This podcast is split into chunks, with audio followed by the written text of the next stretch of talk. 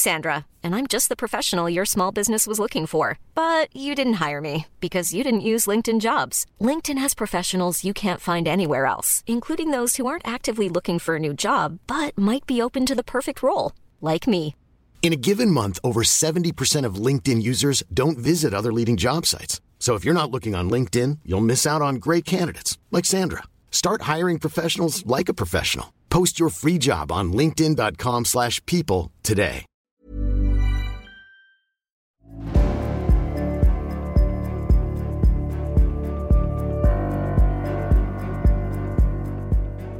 Jannik Svensson har trots att han bara är 28 år hunnit med karriär inom ett ganska vitt spann av yrken. Han har en bakgrund i politiken, en bakgrund i journalistiken, både som journalist och redaktör. Han har varit företagsledare. Han älskar hästar och han driver poddar, bland annat podden Samtal. När Jannik behövde semester hoppade några andra, bland annat jag, in och ledde samtal. Min insats var dock villkorad. Vi har i samtal hört Jannik få många olika människor att berätta om sina liv och sina intressen, men vi har aldrig fått höra Jannik berätta om sitt liv. Det var därför ville jag att vikariernas sista samtal innan Jannik själv tar tillbaka på den skulle ha en speciell gäst, nämligen Jannik. Det här är samtal med Jannik Svensson du vet narcissisten i mig själv nu, det är bara Jannik Svensson överallt nu. Går man in på av, avsnittsbeskrivningen här så är det liksom sa, podcasten Samtal med Jannik Svensson, med Jannik Svensson och så är det en bild på mig. Ja, alltså jag ser inte det dåliga.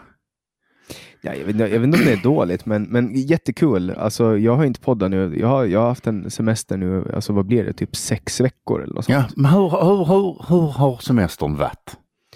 Alltså det har varit helt alltså, otroligt skönt. Mm. Uh, jag hade ju liksom 150 veckor i rad som jag har producerat alltså fyra, fem timmar podd i veckan. Mm. Um, och till sist kommer man ju in i det. Det blir liksom som en del av ens liv. Mm. Uh, och att få bryta helt mm. och ta det helt lugnt, inte bry sig om vad man ska producera för content. Det är som att sluta klämma ur en trasa och bara låta den fyllas på nytt igen. Uh, så att det har varit jätteskönt uh, och samtidigt har jag börjat sakna poddandet. Och nu mjukstartade jag förra veckan uh, i Generation YX då, tillsammans med Johan Pensar. Mm. och Det var jättekul att få liksom, komma tillbaks. Så att det, det känns jätteskönt att, att få liksom, vara framför mikrofonen igen och också bara ta fram utrustningen efter flera veckor. Mm. Det är jättespeciell känsla. Jag, jag har inte varit med om det nu på ja, jag hållit på i tre år. Mm. Och, och, det är första pausen på nästan tre år. Men det var, det, det var en välförtjänt paus i alla fall. Ja, alltså jag är glad att jag omger mig med så bra människor. Alltså är det någon man kan lita på så är det bönder. Alltså du och Rickard Axdorff, Johan Pensar, Anders Hesselbom, Eh, Hadnes Jonas, inte minst Hadnes Jonas. Mm. Alltså, det har varit liksom ovärderligt för mig att kunna ta den här pausen. Och jag menar, alla de här människorna förutom Hadnes Jonas, då har jag träffat genom podden. Mm. så det är otroligt vad poddandet gör för en och sen sprider det sig också. Det är som svamp, eh, svampar liksom, som ploppar upp runt den. Eh, vi träffades ju, alltså när du och jag träffades, då, det var ju före du och Rickard startar Bondepraktikan. Mm. Mm. Och, och sen liksom sen bara sprider det sig. Det är, det är fantastiskt. Jag tror att den här rörelsen, alltså poddrörelsen, den är, det här är bara eh, vaggan. Liksom. Mm. Vi, är, vi är långt ifrån slutet. Ja, men det är väl Alltså där kommer ju ganska, alltså att alltså, om vi tittar på poddvärlden som helhet så kommer det ju jävligt mycket poddar för alla ska ju ha alla ska ju ha poddar nu för tiden. Även jag. Uh, men, men jag har ju också märkt att där är man, alltså man gör det, alltså man, man tror kanske ibland att det är lite för enkelt. Dels att man ska liksom hitta content. Det ska absolut medges att jag och Rickard kanske inte alltid är världens mest förberedda men vi är i alla fall samspelta. Och sen, sen gör det väldigt mycket skillnad med den här handpåläggningen som framförallt Anders gör. Mm. För att sätta det i kontext till de som lyssnar, så alla poddar egentligen som jag klämmer ur mig så är det Anders Hesselbom som, som mastrar och monterar och det är ju för att det ska vara så bekvämt som möjligt för lyssnarna. Ja, det gör en oerhörd skillnad. Alltså, det, det, alltså Anders är ju Anders är ju lika, alltså, Anders är ju lika viktig som, som vi som pratar. Ja, alltså det är viktigt. Alltså, ska man vara i någons öron så pass länge, då vill man ha bra ljud. Och mm. Anders är, jag tror att Anders Sno är en av de mest erfarna poddarna i hela Sverige. Uh, han, han har hållit på i över duktig. tio år. Alltså på den tiden, före det ens hette podcast, jag tror det hette internetradio på den tiden Anders började. Mm. Uh, så det är ganska kul. Men nu har vi skapat ett litet poddkollektiv kring landsbygden uh, och det är ganska kul. Jag menar, samtal har ju blivit helt infiltrerat i landsbygdsfrågor nu.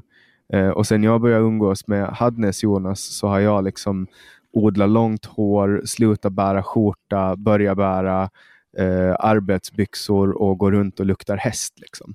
Men visst är det skönt att ha arbetsbyxor? Det är jävligt skönt. Mm. Man har med sig måttstock och multiverktyg och kniv eh, och saker som man behöver hela tiden. Nu har jag börjat bära skruvmejsel också. Ja, Jo men det är faktiskt fan, det, det, är oerhört skönt. Men för att återvända till Anders. Anders är ju som du sa innan, äh, Anders har hållit på länge Eh, och han är ju lite äldre än vad du är. Hur träffades ni? Eh, jag fick tips av Roger Salle Salström om att ta in Anders i podcasten Samtal.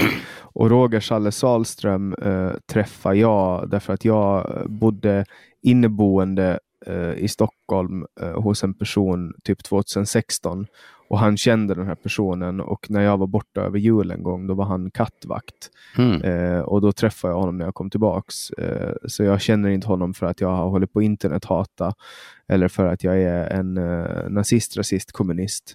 Eh, utan det var, det var Salle som helt enkelt tipsade mig om, om Anders. Och mm. han och Anders, jag vet inte riktigt hur de känner varandra, men jag och Anders bestämde på plats när vi spelade in podd sommaren 2020 att fan vad kul vi har nu. Mm. Liksom. Mm. Vi behöver starta en podd.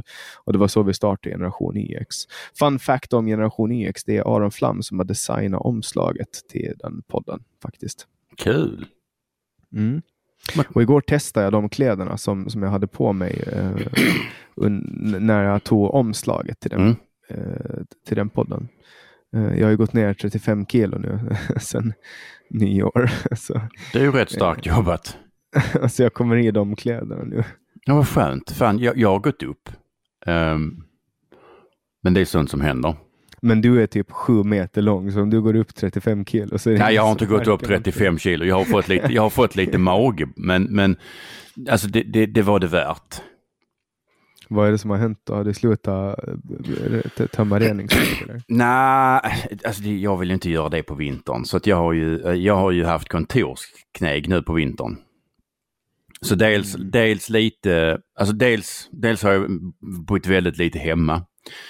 Dels har jag, um, så det, liksom, det har varit ett avbrott i rutinerna, inte mycket gym, inte mycket ut och gå. Eh, och sen eh, den här lilla arbetsplatsen jag satt på i januari, februari, alltså där var ju väldigt många som åt typ sallad och pokeballs och sushi och sånt skit. Så att jag var ju tvungen att göra någon form av statement. Så att varje lunch så åt jag ju liksom en stor portion kött och potatis och sås. Ja, klipper man eh, potatisen så går man ju inte upp i vikt. Nej, men ändå. och eh, nej, så att, men jag löser det sen. Det är inga stora saker. Nej, det där är, jag, är, jag har ju blivit helt frälst i vattenfasta. Jag har hållit på med fasta nu i nio år. Uh, jag, första, första gången jag testade fasta var 2013. Mm. Då gick jag ner, då gick jag ner alltså, häpnadsväckande 50 kilo. Uh, det, är ju, alltså det, det, är en hel del. Det är en hel del. Jag, jag är också, jag är också en, en, alltså en kronisk jojobantare med grova hjärtstörningar. Uh, så att, och det, det, går båda vägar. Liksom. Men uh, nu, nu är det liksom uh, jag har kört olika former av fastor, men nu när jag hittar vattenfasta, jag trodde liksom inte att det här var en, en alltså jag, trodde, jag trodde inte att det var möjligt att överleva så länge som jag har gjort på bara vatten, men jag är liksom inne på dag 80 nu eh, när vi pratar. Uh, jag ska köra 100 dagar. Jävla uh, självplågare. Alltså det, det, det är bara jobbigt de första 20-25 dagarna, sen är det inte jobbigt längre. Sen bara? Sen, ja, men sen går det som på räls. Liksom. Mm, mm. Och du vet, jag, jag var och tog blodprover också, kostade 4 000 spänn. Uh, tog blodprover och hon är läkaren som kollar på dem. Hon bara, nej men det här, alltså jag trodde inte här. Och jag bara, vad menar du? Hon bara, nej men alltså dina, dina blodvärden är perfekta. Uh, det finns inga avvikelser. Uh, ditt kolesterol är jättebra. Alla prover är jättebra förutom dina blodplättar som är lite, lite, lite under referensvärde. Mm. Men det, det har alla i min släkt från mammas sida har, mm. har, har det. Mm. Det är liksom en sån genetisk grej. Men, men, men det där är liksom jag tror att det, det här är någonting som, som, som är riktigt jävla coolt. Alltså. Att, att, man kan, att man kan leva på bara vatten, salt och vitaminer. Sen ska man ju göra det under en läkares... Eh, alltså, man ska ju ha en läkare som kollar på det också. Men, mm, mm, mm. men nästa gång du ser mig Per-Ola, eh, kommer, kommer jag... Alltså när du och jag sist sågs, då hade jag väl gått ner kanske 10 kilo. Mm, det var i vintras. Ja, jag tror vi sågs kanske typ i slutet på januari. Eller ja, det var inte sånt. Ja, så det är 25 kilo, 25 kilo sedan dess. Fan, det är, du, du sliter ju snart kläderna från insidan på. jag är snart klar också. Ja, skönt. Det, det är snart klar, men, men uh, Nej, men det, det, det, det, där är någonting som är, jag, det, jag kommer att prata mycket om det, för det här, det här har fan varit en upplevelse utöver det vanliga. Alltså att, att, att göra någonting. Jag tror att det är typ så här noll, alltså jag gissar nu, jag drar den här siffran ur röven, men jag tror att det är typ 0,01 procent av befolkningen som har gjort det här frivilligt. Väldigt många människor i, i, i världen svälter, men det är en jättestor skillnad på svält och på fasta. Och skillnaden är ju frivillighet. Jag skulle precis säga skillnaden är frivillighet. Mm, precis. Men folk kallar det för, för svältdiet, men så är det ju inte. Utan det handlar om fasta. Det är stor skillnad på fasta. Mm. Ja, ja. Men det är skönt att du är nöjd i alla fall. Jag hade förmodligen um, jag hade nog hellre uh, siktat på att försöka öka förbrukningen Uh, istället för att, att uh, så radikalt minska in, intaget. Uh. Men det kan man också göra. Men sen är det också, det handlar ju mycket om en reset. Alltså, det är ju inte bara gå ner i vikt. Det är klart att gå ner i vikt är en fantastisk fördel. Men mm. sen handlar det mycket också om att du, du, vet, du tömmer ju tarmarna helt och hållet och tarminnehållet och bakteriefloran och allting. Mm. Trycker på reset totalt. Uh, alltså det som händer i kroppen också, att du, du går ju in i något som kallas för autofagi, vilket är att kroppen äter sig själv. Alltså den tar mm, mm trasiga mm, celler och bryter ner dem till aminosyror och använder dem till att bygga upp nya muskler. Så att på det sättet så hittar kroppen trasiga muskler. Och Det här märker man genom att huden blir helt fantastiskt bra. Uh, man, man, får liksom så saker man inte trodde att, att var möjligt uh, börjar hända i kroppen. Uh, och sen kan man börja äta från början nytt. Och du vet, många människor är känsliga för protein. Många, många proteiner kan man vara allergisk för mm. uh, och, och, uh, utan att veta om det och gå runt och liksom vara trött och kanske ha migrän eller, mm. eller så. Och då kan man börja och så kan man fasa in. Alltså är man väldigt seriös med det efter en vattenfast, man kan köra i liksom 20 dagar om man mm. vill. Mm. Man behöver inte gå jätteextremt, man kan köra tre dagar också eller en dag. Men kör man liksom över 20 dagar vattenfasta eller över 30 dagar vattenfasta så kan man liksom sätta in proteiner en och en. Alltså man börjar kanske man börjar lite försiktigt med benbuljong, sen lägger man in ägg, sen lägger mm. man in kött och så börjar man liksom säkert på på den säkra skalan så börjar man lägga in andra proteiner och så ser man vad man reagerar dåligt på. Mm. Uh, och, och, På det sättet så kan man få bort Liksom om, för många människor går ju runt och mår väldigt dåligt för att de kanske äter någonting de inte tål. Mm. Uh, det finns ju människor, ja, man har hört om människor som har varit glutenintoleranta hela livet och inser det i 50-årsåldern. Mm. Uh, och så liksom förändrar de sitt liv och så vidare. Men, men det finns oerhört många fördelar, alltså hälsofördelar som, är, som man inte tänker på. Men, men nu, nu ska jag köra liksom, jag ska försöka köra med riktig mat när jag kommer tillbaka. jag slarvar lite med min diet. Jag har ju min, min mycket eh, underliga köttdiet som folk tycker är jättekonstig. Men som... Kött är bra kött, är, kött är det bästa som finns. Jag har eh, beställt eh, över 100 kilo ben av Hadnes Jonas nu. Han har varit och slaktat två tjurar och jag har beställt alla ben. Um, jag begärde också att få båda uh, levrar. Mm. Uh, eller säger man levrar i plural? Uh, båda... Nej, lever, alla levrar, ja. Det, ja, låter det, låter, det, låter konstigt, men jag ska alltså få två stycken tjurlever. För hoppas jag. Man, man, man, vet aldrig med, med slakteriet på Åland. Men jag ska försöka lära mig äta inälvsmat också. Ja, men det är väl inte dåligt? Nej. Du behövde inte ens leda mig in på det här. Jag får mycket klagomål på att folk, folk klagar på att jag pratar om mina obskyra dieter. Um, men, men, det är väl en av, en av, en av uh, premisserna, eller till själva poängerna med det här programmet, att, att gästen ska få prata om det den tycker är kul. Ja, men det, jag, det, det, jag pratar om det ändå. Det spelar ingen roll vem jag pratar med. Jag pratar alltid om mina dieter. Det, det hjärtat är fullt av pratar munnen. Eller vad? Nej, det, det hjärtat är fullt av talar munnen brukar man väl säga. Lite så, lite så. Så du har i alla fall, så, så du har ägnat det här året åt att vila, vila, eller året så här långt åt att vila, vad ska vi säga, poddhjärnan och att eh, gå ner i vikt. Ja, komma i form. Uh, gå, ner, gå ner i vikt är ju en, en sak, men komma, komma i form, mm -hmm. ta tag i mina ätstörningar. Jag har ju grova ätstörningar. Liksom. Okay. Sen har jag en hundvalp nu som ja. kom i november, Bubblan, och hon har jag kämpat mycket med. Liksom. Uh, man glömmer bort hur jobbigt det är att ha hund. Uh, så nu har jag liksom startat ett helt nytt äventyr. Jag och Luna försöker uppfostra henne och hon är ju liksom ett, ett yrveder. Mm. Um, och, och, så. så att, Men hon är väldigt söt. Hon är oerhört söt. Uh, och nu är det ju Luna som är kär i dig, men Bubblan är också väldigt uh, fond of you. Så. Mm. Uh, men ja. Luna är verkligen kär i dig. Alltså hon, hon sitter och tittar på dig timme efter timme. Liksom. Mm, men det är en väldigt fin hund. Mm, hon ligger här bredvid mig. Ja. Jag ligger ju på ett golv och spelar in det här nu också. Ja, du har ju, höll på att säga, skaffat ny lägenhet.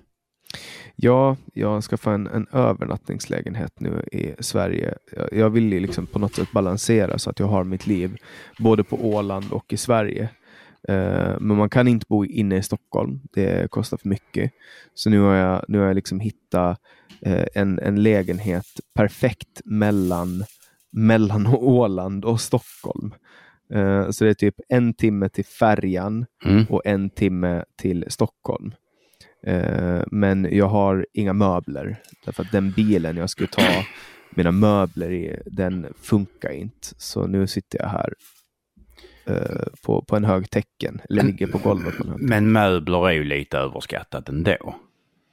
Ja, man borde göra som Steve Jobs. Han, han bodde ju minimalistiskt. Han packade ner allting i lådor eh, vid något tillfälle och så plockade han bara ut det han behövde och sen bara levde han utan möbler och typ satt på golvet.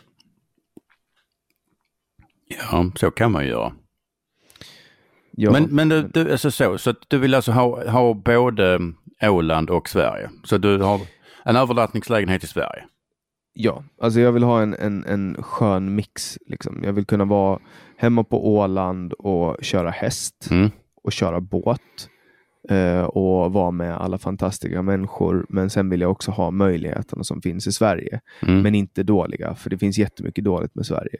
Berätta! Eh, ja, men alltså, politiken i Sverige är eh, i, världsklass på att vara sämst. Um, skatterna är oerhört höga. Um, energipriserna är oerhört höga. Um, vägarna är dåliga på många ställen. Alltså du vet sådana saker. Så, så det... grundläggande. Man, man, är otrygg. Det är liksom då, man vet liksom att händer någonting, blir man utsatt för någonting så, så behöver, det spelar liksom ingen roll om man går till polisen. Allt det där finns på Åland. Uh, alltså Åland är som Sverige var på 70-talet. Mm. Det är liksom tryggt, det finns en ekonomisk framtid. Mm. Människorna är, det, det är liksom, alltså man behöver inte låsa sin bil. Mm. Jag, många gånger så lämnar jag liksom min dator i bilen och går, går in och du vet, jag har min dörr olåst på nätterna. Nu får jag börja låsa den eftersom jag berättade i en podd som många människor lyssnar på att den är olåst. Men alltså, eh, Men å andra sidan om någon skulle gå in till dig, ja, k- klart, klart nu, eh, i alla fall i Sverige så skulle de ju bli kraftigt besvikna eftersom du bor på en hög tecken. ja, eh, precis. Och jag har två stycken kamphundar som väger typ tre kilo styck som skulle säga "Wop, wop, wop, wop", och skicka ut dem. Nej, Mm. alltså jag skulle skjuta dem i huvudet med ett hagelgevär. Liksom. Come at me. Nej, men alltså eh, Åland har liksom, Åland är ett det är en utopi. Mm. Alltså ta, måla upp en utopi framför dig Mm. eh, om ett perfekt samhälle. Och där har du, alltså Åland finns där. Alltså allting är perfekt med Åland. Vi har till och med röda klippor. Alltså till och med, till och med naturen har en Mm. annan färg. Mm, mm, mm. Ehm, alltså jag förstår. Det är det som du, du kan inte, alltså, du kan, jag tror inte ens du kan föreställa dig hur fantastiskt det är. Alltså som, som typ att, att komma ut. Det. Jag, jag gick här- härom, härom, häromdagen så var vi ute, alltså det är ju liksom det, det är slutet på mars nu, eller mitten på mars. Mm.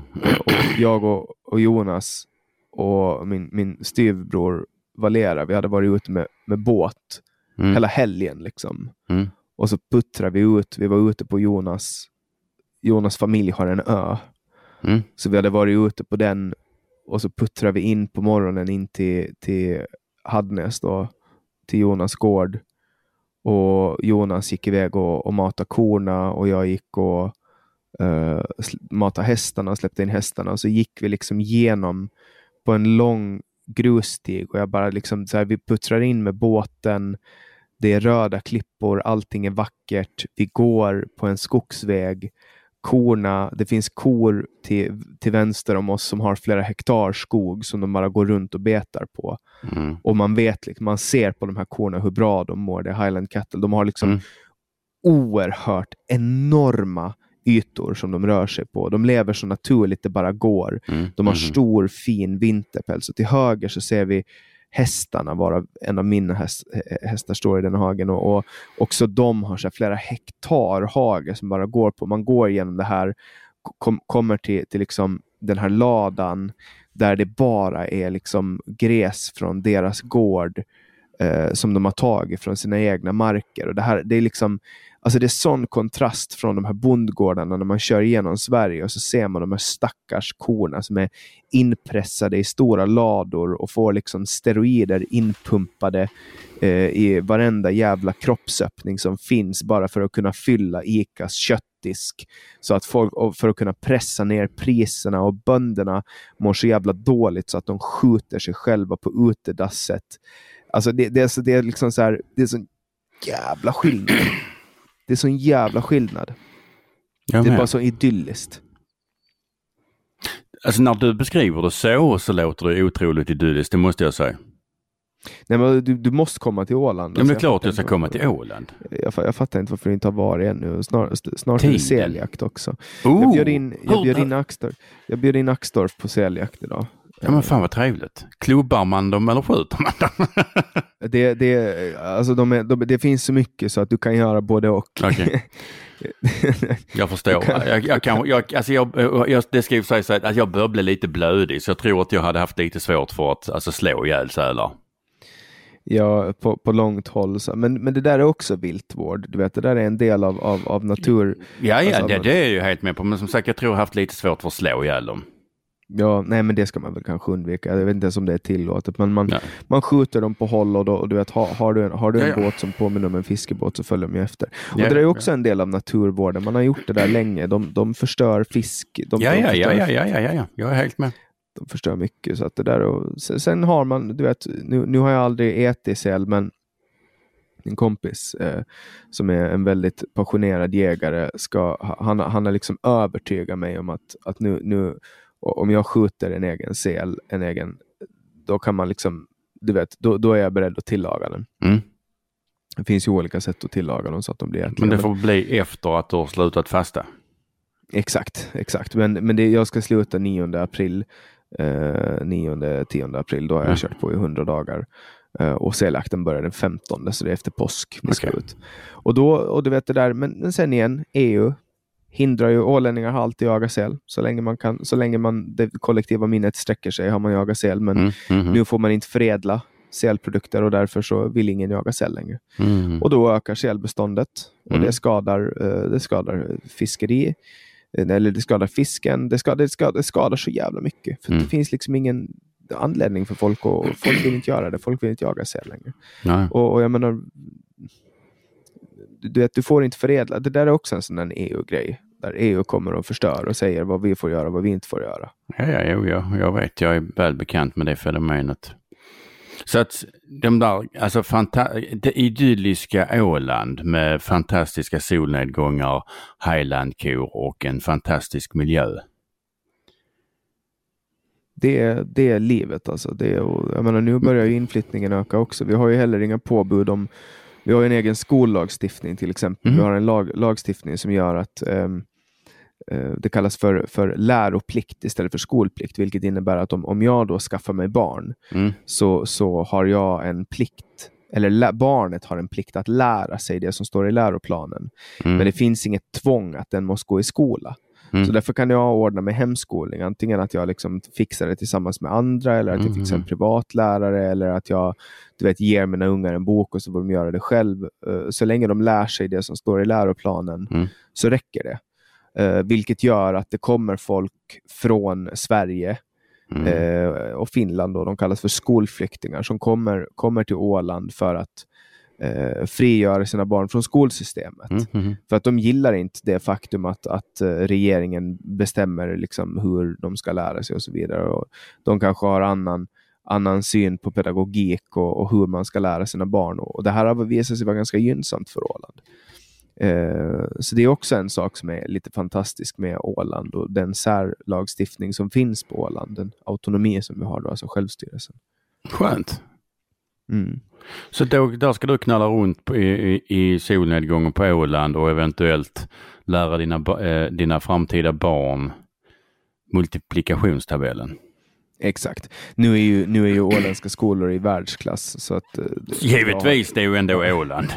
Jag, jag har inga problem att, att sätta mina barn i åländska skolor, men, Mm. eh, men, men det är en av de många, många, många fördelar som finns med, med Ålands självstyrelse. Ja, skönt. Att, att det finns en, det finns liksom en, nu är det ju dock lite obehagligt med, med det som händer i Ryssland. Man vet ju inte om Ryssland kommer att, att bry sig. Om Åland är ju demilitariserat i fredstid och neutraliserat i krigstid. Men nu vet vi ju att Putin är en krigsförbrytare, så det skulle inte förvåna mig om han kommer in till Åland. Mm.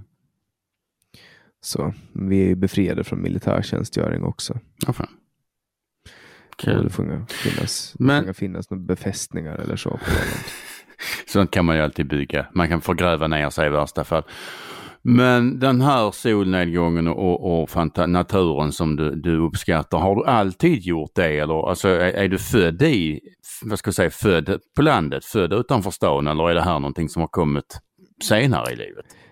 Alltså, jag är på ett sätt så, så jag kommer från en, en lång, lång, lång rad av bönder. Alltså från min mammas sida så är i princip eh, alla så långt bak det går bönder och samma från pappas sida då, förutom en, en liten eh, av två generationer då pappa är arbetare, han är målare Mm. och farfar var journalist. Mm. Farfar lever fortfarande. Han, är, han, han, har, all, eller han, har, han har Alzheimer, demenssjukdom. Det är lite oklart. Det går inte, det, det, man vet inte riktigt om det är demens kombinerat med olika hjärnblödningar eller om det är Alzheimer. Men han har varit journalist i alla fall och före det så hans pappa, han, hans pappa var bagare. Drev ett eh, anrikt bageri inne i, i Gamla stan, Wirströms konditori. Mm. Men före det så är alla bönder också då, eh, kommer från eh, eh, Östergötland, bönder från Östergötland. Mm, mm, mm. Men, men ehm, och, och mamma då är uppfödd, uppvuxen på landet och jag är uppvuxen i stan. Mm. Men det är väldigt närvarande, även om man bor i Mariehamn så är, är naturen väldigt närvarande. Och, och jag, vi hade liksom sommarställe ute på, på landet och när jag var nio så bodde vi mer eller mindre permanent ute på landet, Mm. nära vattnet, alltså på en udde.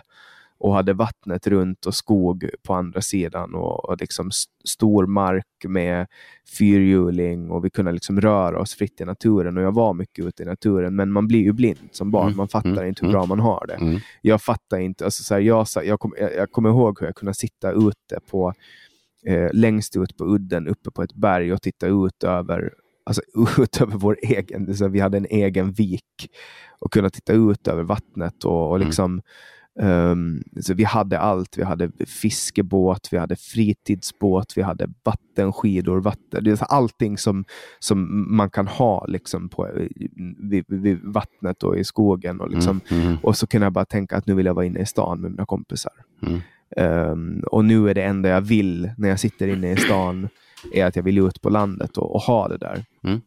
Eh, så att på något sätt så, så, så eh, fram tills att jag var kanske Alltså, ja, men det var egentligen fram tills att jag började umgås med Jonas, eh, Mm. Hadnes Jonas, som, som jag började komma tillbaka till naturen. För före det så valde jag att isolera mig själv i en eh, betongfyrkant i Stockholm i många, många år.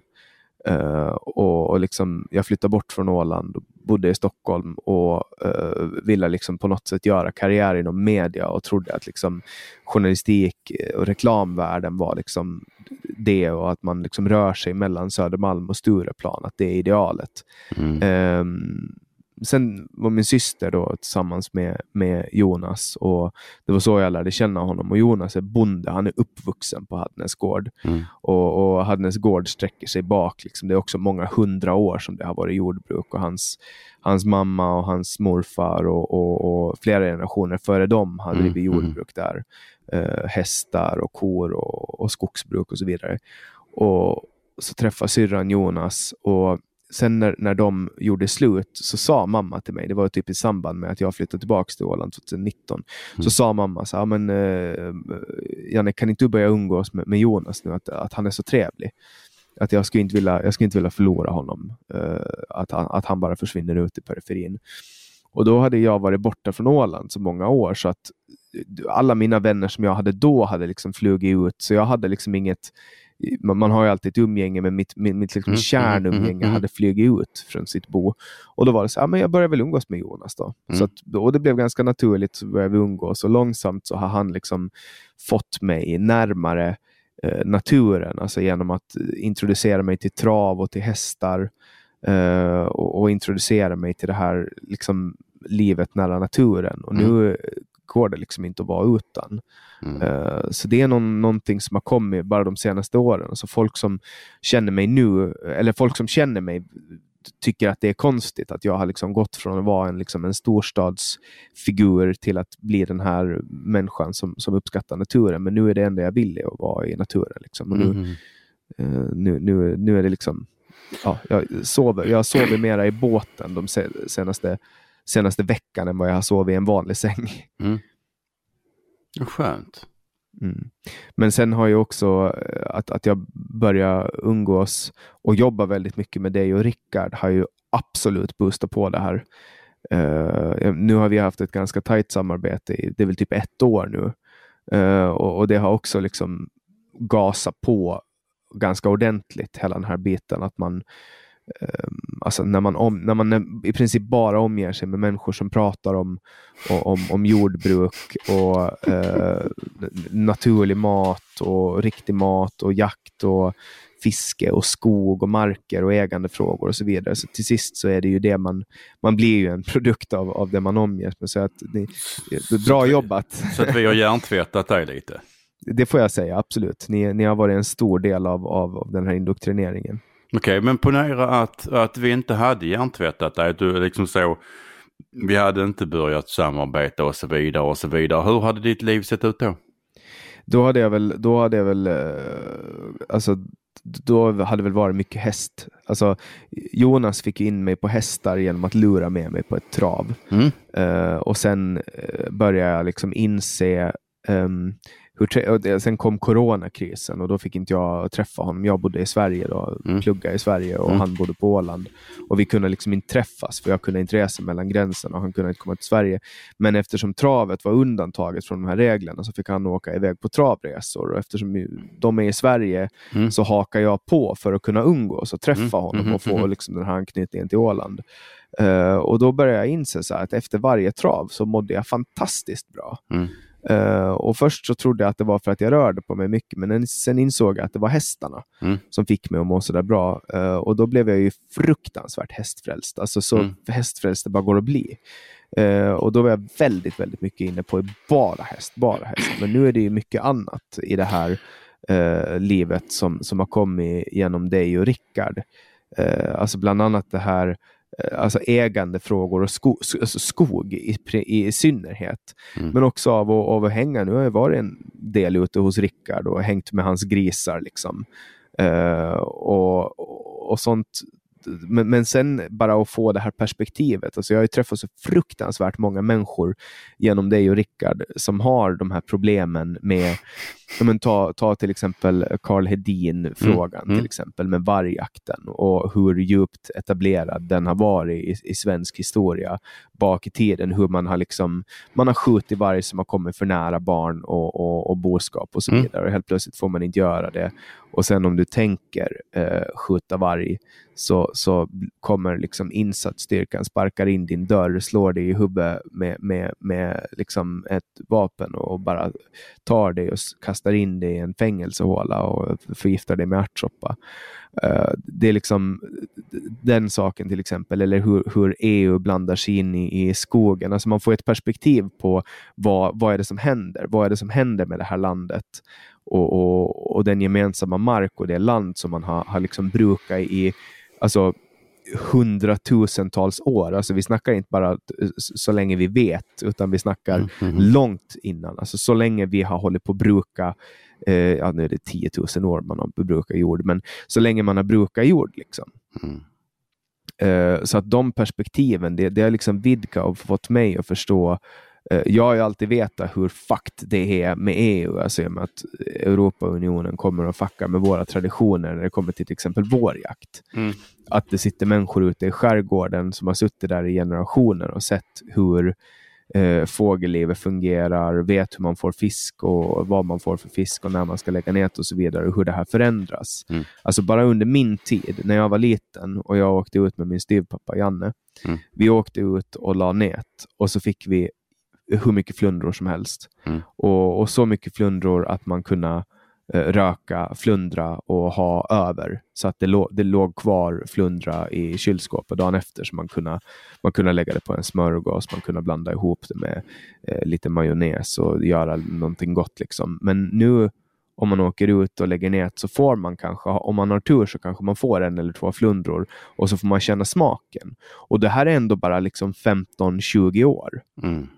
Och då, och då när jag var liten och vi fick flundra, då berättade de om, i sin tur om hur de fick så mycket flundra att de fick kasta tillbaks. Att man mm. kunde liksom inte tillgodogöra sig all fisk för att man fick så mycket. Mm. Man, kunde, man, man, man kunde bara lägga ett nät, annars fick man för mycket fisk och så vidare.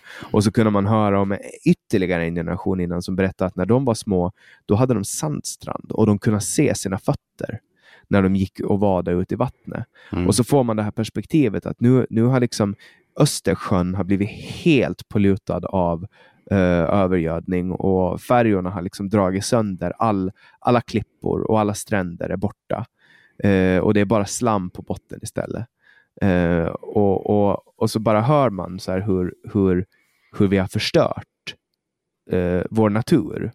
Och, och den lilla del av natur som finns kvar, som till exempel då vi har ejderstammen till exempel. Mm. Eh, den, den liksom får inte vi ålänningar nu, åländska jägare, skydda eh, genom att, att, att, skjuta bort guding, då, alltså den manliga mm. varianten mm. av fågeln.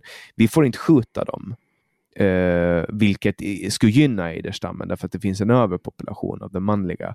Eh, så att istället då så eh, eh, så, så, så säger EU att nej, men ni får inte göra det här.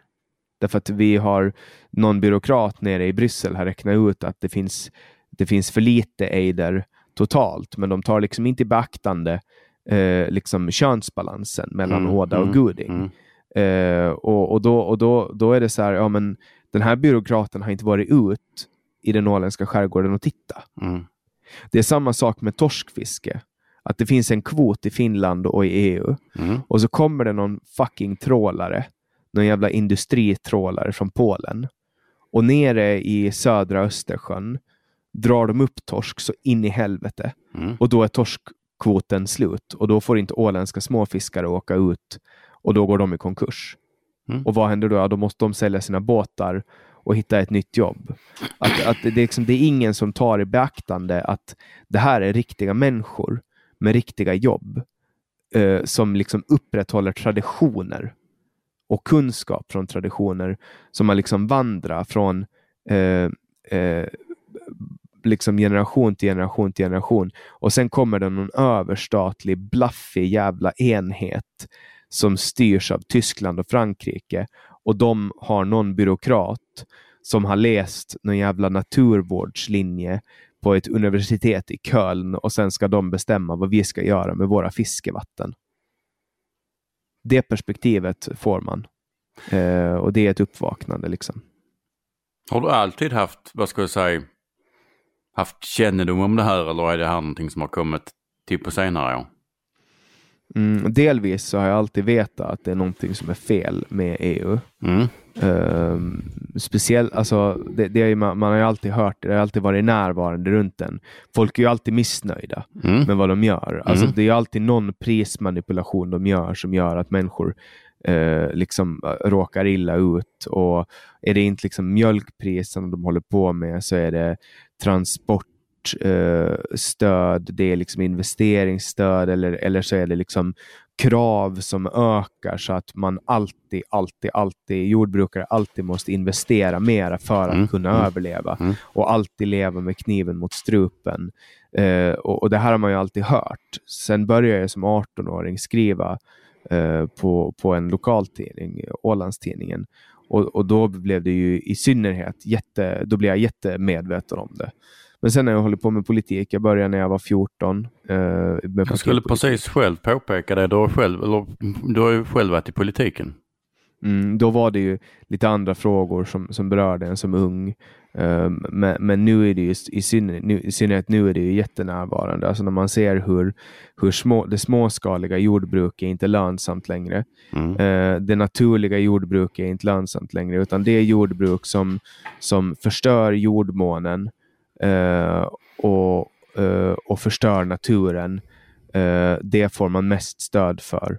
Och, och det gynnar, eh, alltså så här, det, det, är all, det är helt tvärtom. Det är helt tvärtom. Alltså, istället för att man, man tar eh, djuren och har dem ute i naturen och får vara en del av kretsloppet och äta eh, maten som kommer upp ur jorden, så tar man djuren, låser in dem i mörka lador eh, och så liksom sliter man upp grödor ur jorden, sprutar gift på det, trycker in det i, eller skickar iväg det, processar det någon annanstans, hämtar tillbaks det och trycker in det i djuren liksom, som är så sjuka att man måste fylla dem med antibiotika.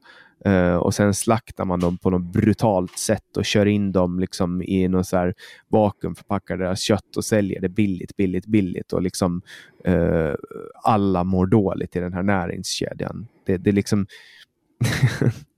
liksom Det är ganska dystopisk den bilden jag målar upp nu. Men Jag, jag kan eventuellt tycka att du är, eller kanske lite väl dystopisk, men, men eh, skit i det. Vilka, men så, du berättade att det var lite andra frågor när du var ung. Vilka frågor var det då? Alltså, vad var det som lockade dig till politiken? alltså det, som, det som fick mig från första början eh, att engagera mig politiskt, det var, det var faktiskt frågan om, om, om droger och missbruk. Mm. Eh, redan som, som 14-åring fick jag upp ögonen för det här, men, men då hade jag en ganska annan syn än vad jag hade idag. Då, då fastnade jag för någon form av, av förbudsivrande eh, militant eh, straffpolitik. Men, Mm. men eh, du vet, eh, den som inte har varit ung och dum har, har inte varit ung. Nej, nej, 14 är ju inte särskilt gammalt heller. Precis. Sen, sen var ju jag själv då eh, det som fick mig att fatta liksom att den här politiken inte funkar, det var att jag själv började missbruka Mm. eh, alkohol och, och sen också droger och, och läkemedel. Eh, det fick mig att fatta liksom att um, det, det, det, här med förbud funkar inte, eller den politik Mm. som man för, Mm. det funkar Mm. inte. Eh, så det var faktiskt eh, frågan om, om, om narkotika, eh, drogpolitik som det kallas Mm. eh, i, i folkmun, ehm, som, som fick mig att engagera mig politiskt. Sen har det ju varit så här inflytande bland unga och så vidare, Mm. som, när man var ung. Och sen Mm. har det ju varit andra frågor, du vet, så här klassiska ungdomsfrågor Mm. om frihet och, och så vidare. Men någonstans där. Men sen är min, min käpphäst har ganska länge varit liksom sociala frågor och missbruk. Mm. Eh, men, men tyvärr så på Åland så har man ingen lagstiftningsbehörighet när det kommer till de sakerna, utan det ligger på finsk lagstiftningsbehörighet, Okej, det vill säga Finlands riksdag. jag förstår. Är du, du missbrukar inte idag? Eh, inte varken alkohol eller droger, eh, nej. Jag har varit nykter nu i fem år, nykter och drogfri. Starkt. Eh, tack, det är nästan fem och ett halvt år, men, men jag går, ju, går i tolvstegsprogram och, Mm, och, mm. och håller mig liksom helt eh, avhållsam. Därför att det har visat sig att, att jag är det man kallar för alkoholist eh, och, och missbrukare. Då. Så att om jag väl börjar så kan jag inte sluta. Mhm. Ehm, och och då, då ingår en del av det ingår då för att kunna själv hålla sig nykter, att man hjälper andra. Så, Mm. så jag hjälper aktivt andra också Mm. eh, att avhålla sig från, från missbruk. Ehm, men då, det, då slutar det vara en politisk fråga, för då inser man att, att eh, tolvstegsprogram är mycket mer effektiva än, än liksom tvångsvård, som i vissa fall kan vara nödvändigt, även om jag klassar mig själv som libertarian. Så jag har ju själv Mm. blivit tvångsvårdad och, och dog inte på grund av det. Nej, nej, men, men eh, vad ska jag säga, det är, väl, det är väl rimligt att när man, vad ska jag säga, får bättre, ju, ju bättre koll man har, ju enklare, först, eller ju, ju mer förstår man att saker och ting är inte svartvita. Det är inte så jävla enkelt, allting är jävligt komplext och det finns ju väldigt sällan några enkla svar och enkla lösningar. Och det är väl rimligtvis också så att det sällan finns eh, en lösning som passar alla om man nu ska alltså försöka vänja av folk vid missbruk. Precis, och, och det finns ingenting eh, staten kan göra som, som hjälper en stor del, utan det är så här, det, det jag har sett, min erfarenhet, mm. och jag kan bara tala för mig själv, det är att 100% av de som gör tolvstegen, Mm. de som gör det som tolvstegen liksom förespråkar, Mm. Eh, de, de håller sig nyktra. Skönt. Och så, här, så är det för mig. Jag har gjort stegen. Jag har gjort det som, som liksom står i stora boken. Och det är så här, jag har inte försökt ändra på programmet. Det är väldigt vanligt att folk kommer in i ett tolvstegsprogram och så blir de missnöjda med någon del. De kanske Mm. tycker att ja, men mycket av det här är bra, men de blir missnöjda med någon del och sen väljer de att inte ta emot den här lösningen på grund av det. Eh, och det är okej. Det, Mm. Man får göra det. Det, det. det är ingen som tvingar en. Det finns liksom inga påbud, det finns inga regler. Eh, men vill man bli nykter, då finns det en lösning som fungerar och den fungerar för mig och jag kommer aldrig att försöka pusha den på någon annan. Men, Mm, mm, men, men det staten gör i, genom, genom sjukvården, det är inte effektivt. Liksom. Jag förstår. Alltså de, det, Mm, det finns ju mm. liksom eh, folk som, jag har en kompis som, som dog, alltså en oerhört brutal död. Mm. Ehm, och han hade precis ganska kort innan varit till en läkare då, eh, inom vården som var så här, ja du kan dricka men du kan bara, håll dig till två glas vin. Liksom. Det är Men- men sällan här det funkar ju. Exakt, men den här killen kunde inte dricka. Det var det som var problemet. Att, att han kunde inte dricka och får han höra från en läkare att ja, men du kan dricka två glas vin, så drack han två glas vin. De två glas vinen blev fyra glas vin som sen blev två whisky på det och sen kokain. Och det kokainet eh, var inte liksom det som han skulle ha i sin kropp, därför Mm. att det han hade i sin kropp, eh, mediciner som han hade fått, var eh, en, en dödlig cocktail. Liksom. Och så dog han. Och, och det där är liksom så här, jag har sett liksom negativa sidan av det här. Jag har sett så jävla många människor dö i den här sjukdomen.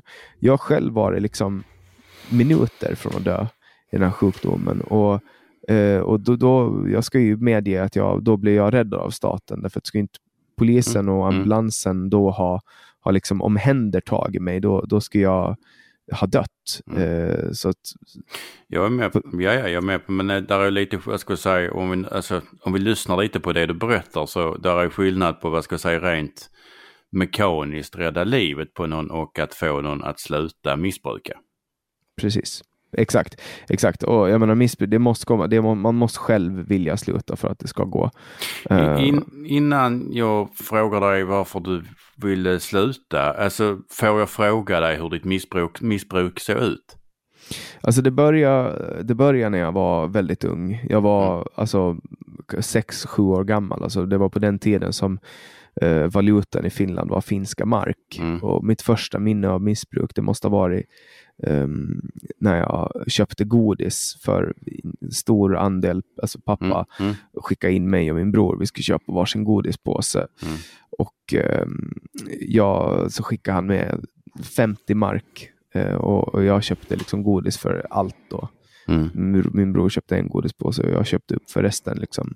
Och, och redan där visade jag liksom brist på eh, hantering av pengar och brist på impuls och brist på liksom allting. Då. Så att när, när, när, vi kom hem så insåg pappa att jag hade köpt allt det här. Men eh, du vet, jag ställde till med ett sånt jävla liv så att jag fick, han var till sist så var det så att, att han, han orkar liksom inte bråka med mig om det där utan eh, och det gick inte att lämna tillbaks mm, det där så att jag liksom frossade i mig och du vet Mm. spydde. Mm. Och trots att jag spydde så ville jag fortsätta efteråt och dagen efter så åt jag mera godis. Liksom. Mm, Att där, mm. redan där så fanns det inget, inget stopp. Jag kunde också komma hem från skolan efter eh, när jag gick i liksom ettan, tvåan, trean. Det var ingen hemma, jag kunde komma hem. Liksom.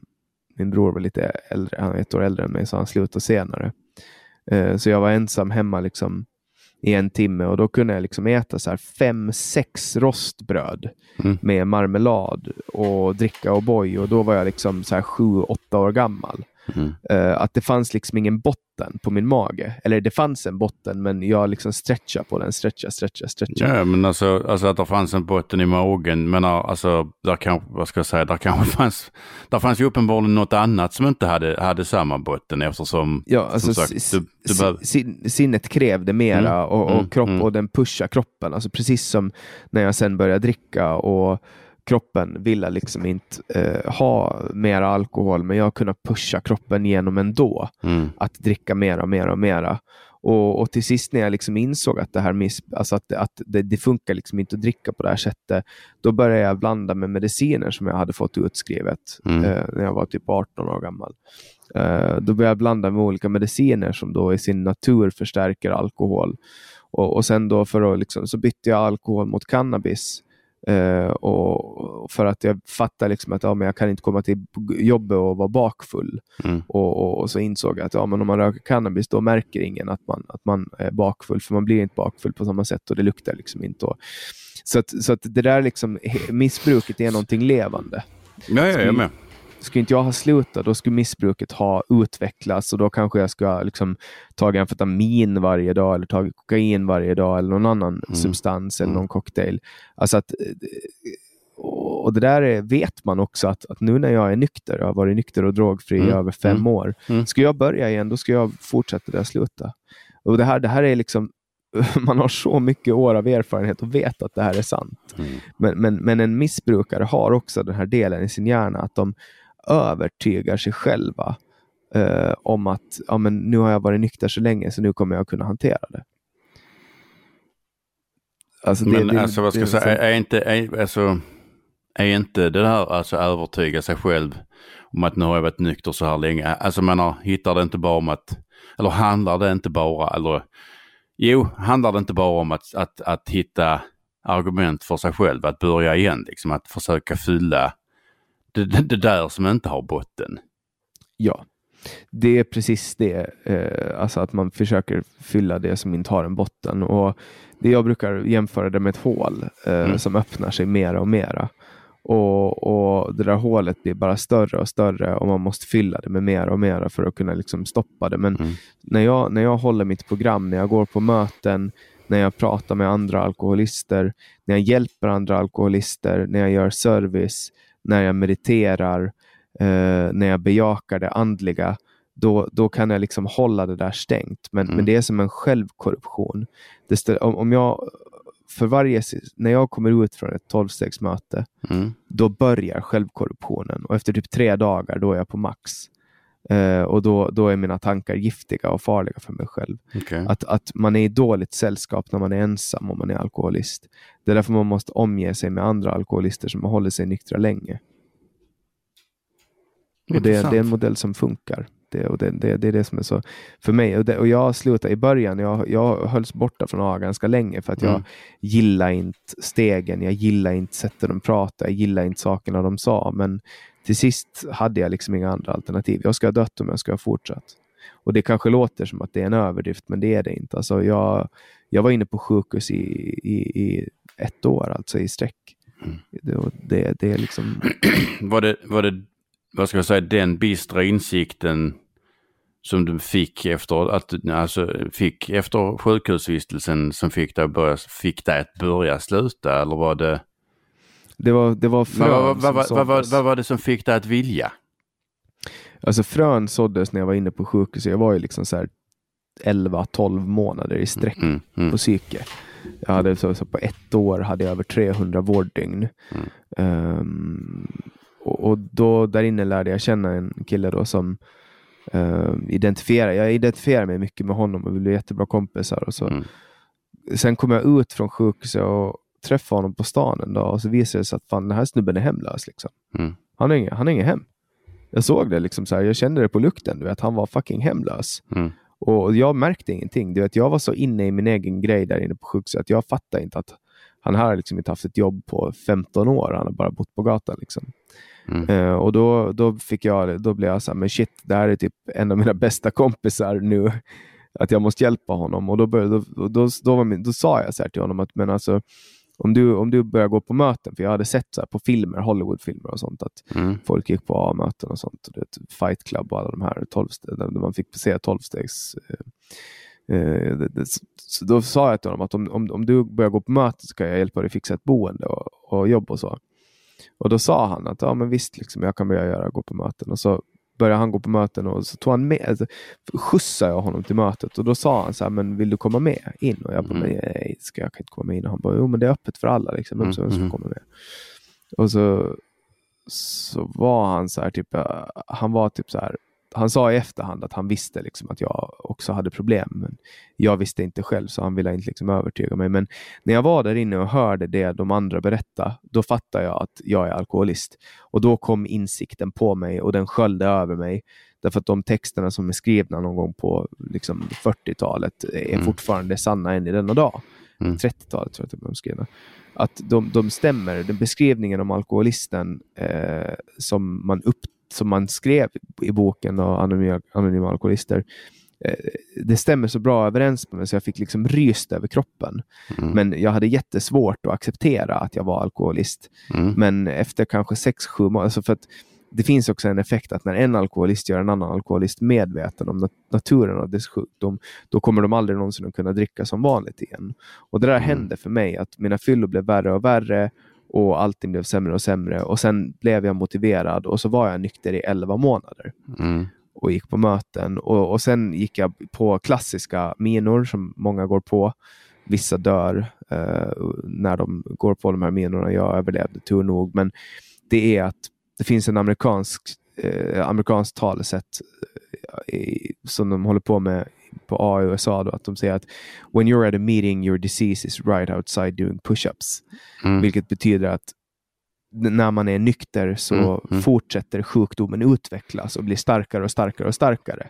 Och släpper man den fri så kommer man att ha det som man pratar om, att, att alkoholism är en progressiv sjukdom som förvärras med tiden. Mm. Och det där fick jag uppleva själv. Alltså jag var nykter i 11 månader och började dricka igen. Och, och Jag var liksom inte beredd på kraften, men, men jag gjorde liksom blackouts. Jag var borta i flera dagar. jag liksom så här, saker som jag aldrig trodde att jag kunde göra fick jag veta att jag hade gjort. Eh, och du vet, jag kunde liksom ta, ta mig mellan landsgränser utan att vara medveten om det. Mm. Jag kunde liksom vakna i andra städer. Mm. Jag kunde liksom se på, på mina kontoutdrag att jag har befunnit mig på platser som jag aldrig visste att jag hade varit på. Mm. Mm. Eh, jag hade pratat i telefon med folk jag inte visste. Alltså du vet sådana saker. Alltså det var Mm. så här helt, helt, ja, jag fattar att det är kört. Det är över nu. Mm. Alltså det kommer, det kommer inte. Alltså, så här, och det är bara att kolla på all, all statistik och alla människor som jag såg på A-möten. Jag fattar liksom att fortsätter jag nu så är det liksom det finito. Det är kaputt. Men det, det, alltså det du berättar är ju samtidigt, alltså, eller samtidigt en berättelse om hur oerhört starkt ett missbruk är. För jag menar, du, du, du berättar ju hur, hur svårt det var att hålla emot och hur liksom en, som sagt, hur svårt det var att hålla emot. Samtidigt så har du ju nu, alltså innan berättat om att du liksom, du har sen, fan var det nyår var det va? Mm. Alltså druckit vatten. Och menar de flesta av oss hade ju, hade ju inte haft viljestyrkan nog att, att gå så länge på, vatten och salt. Och det var som du sa, det är bara jobbet de första 20-25 dagarna. Så menar, alltså samtidigt som där finns en enorm viljestyrka och fixa, alltså menar, att, att liksom gå så länge på någonting som de flesta av oss inte skulle ens överväga. Mm. Alltså, än, än beroendesjukdom- mindre göra. Sa- Samtidigt så, så kan man inte hålla emot, alltså vad ska jag säga, beroendet. Nej, alltså, precis, beroendesjukdomen är ju en svartvit sjukdom. Det är en on-off grej. Alltså antingen, antingen så, så, så faller jag helt platt eh, för någonting. Mm. Eller så kan jag liksom hålla emot helt och hållet. Och, och, och det, är väldigt svårt att hitta balans när man har den här beroendesjukdomen så starkt rotad som jag Mm. är. För jag menar, å ena sidan så kan jag, när jag väl börjar dricka så kan den inte hålla mig undan. Men sen kan jag också vara nykter i fem år. Mm, mm. Det är samma Nej, sak när jag väl börjar äta, så överäter jag. jag menar, du och jag har, har kollat på film och, och, och liksom käkat tillsammans. Och du såg liksom att jag kunde trycka i mig fyra donuts, två paket eh, chokladdoppade jordnötsringar och fem alkoholfria Heineken på liksom en halvtimme när vi kollar på The Office. Alltså jag Eh. ser ju inga problem med det förfarandet. Nej, men, men det där kan jag liksom upprepa ända tills jag väger 115 kilo. Mhm. Men sen kan jag också inte äta på 80 dagar. Mm. Eh, och det är liksom väldigt svartvitt. Så jag tror att, att en, en, en ganska viktig komponent för att klara av att utsätta sig själv för den här mentala påfrestningen. För att det som folk inte förstår när de tänker så här, oj vad jobbigt att sluta dricka. Men, men alltså alternativet var jobbigare. Det var mycket jobbigare att dricka. Alltså så här, det var så jobbigt att leva med den här sjukdomen att jag på riktigt försökte ta livet av mig Mm. och, och, och att jag nästan dog eh, två gånger den sommaren. Och, och en gång sommaren efter det. Mm. Eh, och jag blev behandlad på sjukhus för det. Alltså, det. Det enda alternativet jag såg var att nu tar jag livet av mig. Mm. Nu avslutar jag mitt liv. Eh, alltså att det är så kraftigt, det är så svårt och så jobbigt att leva med den här sjukdomen när man är aktiv. Att, att vara nykter är inte svårt i förhållande. Alltså så här, det, det, är att, allt handlar ju om, om, om proportioner och förhållanden. Ja, ja. I förhållande till eh, att leva med ett aktivt missbruk så är, är det den lättare vägen att bli nykter. Och det är därför man blir nykter. När det är lättare att bli nykter än vad det är att leva aktivt beroende, då blir man nykter. Men det är ju ändå en intressant beskrivning för man, det, alltså, du, du berättar ju att, vad ska jag säga, det, det man inte kan, det man inte kan låta bli, det är samtidigt inte det skönare alternativet. Alltså man, alltså man, har, man missbrukar inte för att det är tjo och tjim sniffa lim liksom och att det är kul utan för att där, där är något annat. Då. Det finns en smärta som man vill bedöva. Mm, mm, mm. Och det är den smärtan som allting... Alltså folk brukar ju prata om alkoholproblem. Mm. Men det är eh, fel benämning Mm. enligt mig och enligt många. Alltså problemet är inte alkohol. Alkohol är lösningen på problemet. Problemet är liksom någon form av trauma inuti en själv eller någon form av skada från barndomen eller så är det genetiskt Mm. eh, som, som, liksom, som gör att man känner smärta. Mm. Och den smärtan kan liksom tas bort tillfälligt genom att dricka eller genom att Mm. Mm. någon form av utsvävande beteende kan vara liksom Mm. Mm. gambling, det kan vara shopping, det kan vara sexuellt utsvävande, det kan vara liksom Mm. Eh, självplågeri som jag håller på med nu genom att inte äta. Det kan vara liksom, eh, det kan vara heroin, det kan vara cannabis, det kan vara alkohol, det kan vara läkemedel, det kan vara eh, vad som helst. Sen finns det ju folk som blir så helt fanatiska, trän, håller på tränar Ja, ja, ja, ja och så vidare. Och, och mycket av det där är beroende. Men samtidigt så tror jag att beroendesjukdomen, som vi kallar för sjukdom, också har en genetisk eh, eller uppenbarligen, om man tror på Darwins teori, så, så, så finns det en genetisk eh, fördel med den här. Alltså att folk som är beroende också har någon form av kreativ ådra och ofta går väldigt långt före eh, när, det kommer i, när det kommer till innovation eh, och när det kommer till vissa delar av gruppdynamiken. Liksom. Så att, att tror man på Darwins teori om evolution eh, så, så, så finns det nog faktiskt någon funktion som vi beroende fyller eh, i, i samhället och att det är därför vi finns. Alltså det- kanske det- man inte ska se det som en Ja, jag menar, nej, nej, men jag, jag är med, jag är med. Nej, men, Ehm, det är väl en intressant tanke, men jag kommer ju spontant till, alltså när du pratar om, om vad ska jag säga, beroende eller eh, hål på insidan och, och kreativitet. Jag kom till, spontant till att tänka på, på Hemingway som var ju rätt duktig på, på både kröka och sen, eh, men alltså, som ändå var otroligt duktig på att skriva. Ja, han Eh, var ju vi- extremt fucked up. Vi, precis, vi har ju eh, alltså eh, 27, Club 27, eller 27 Club, eller vad fan heter Ja, det? alla, alla 27 Club, alla Ja. rockartister någonsin. Mm. Jimi Hendrix, Mm. eh, Amy Winehouse, Kurt Cobain. Men nu har du ju Eh. överlevt 27.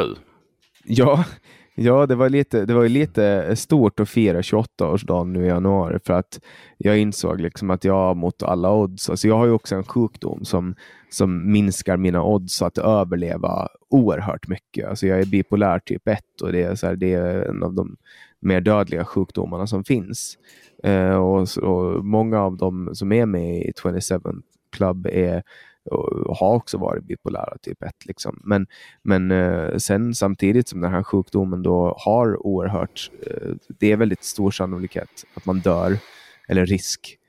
Sannolikt beror på vem du frågar, men eh, det är stor risk. Chans eller risk, det- ja, ja. Exakt, Mm. det är en perspektivfråga. Eh, alla sossar i världen vill att jag ska dö för att jag bara skadar deras, dem. Men ehm, Varför vill sossarna att du ska dö?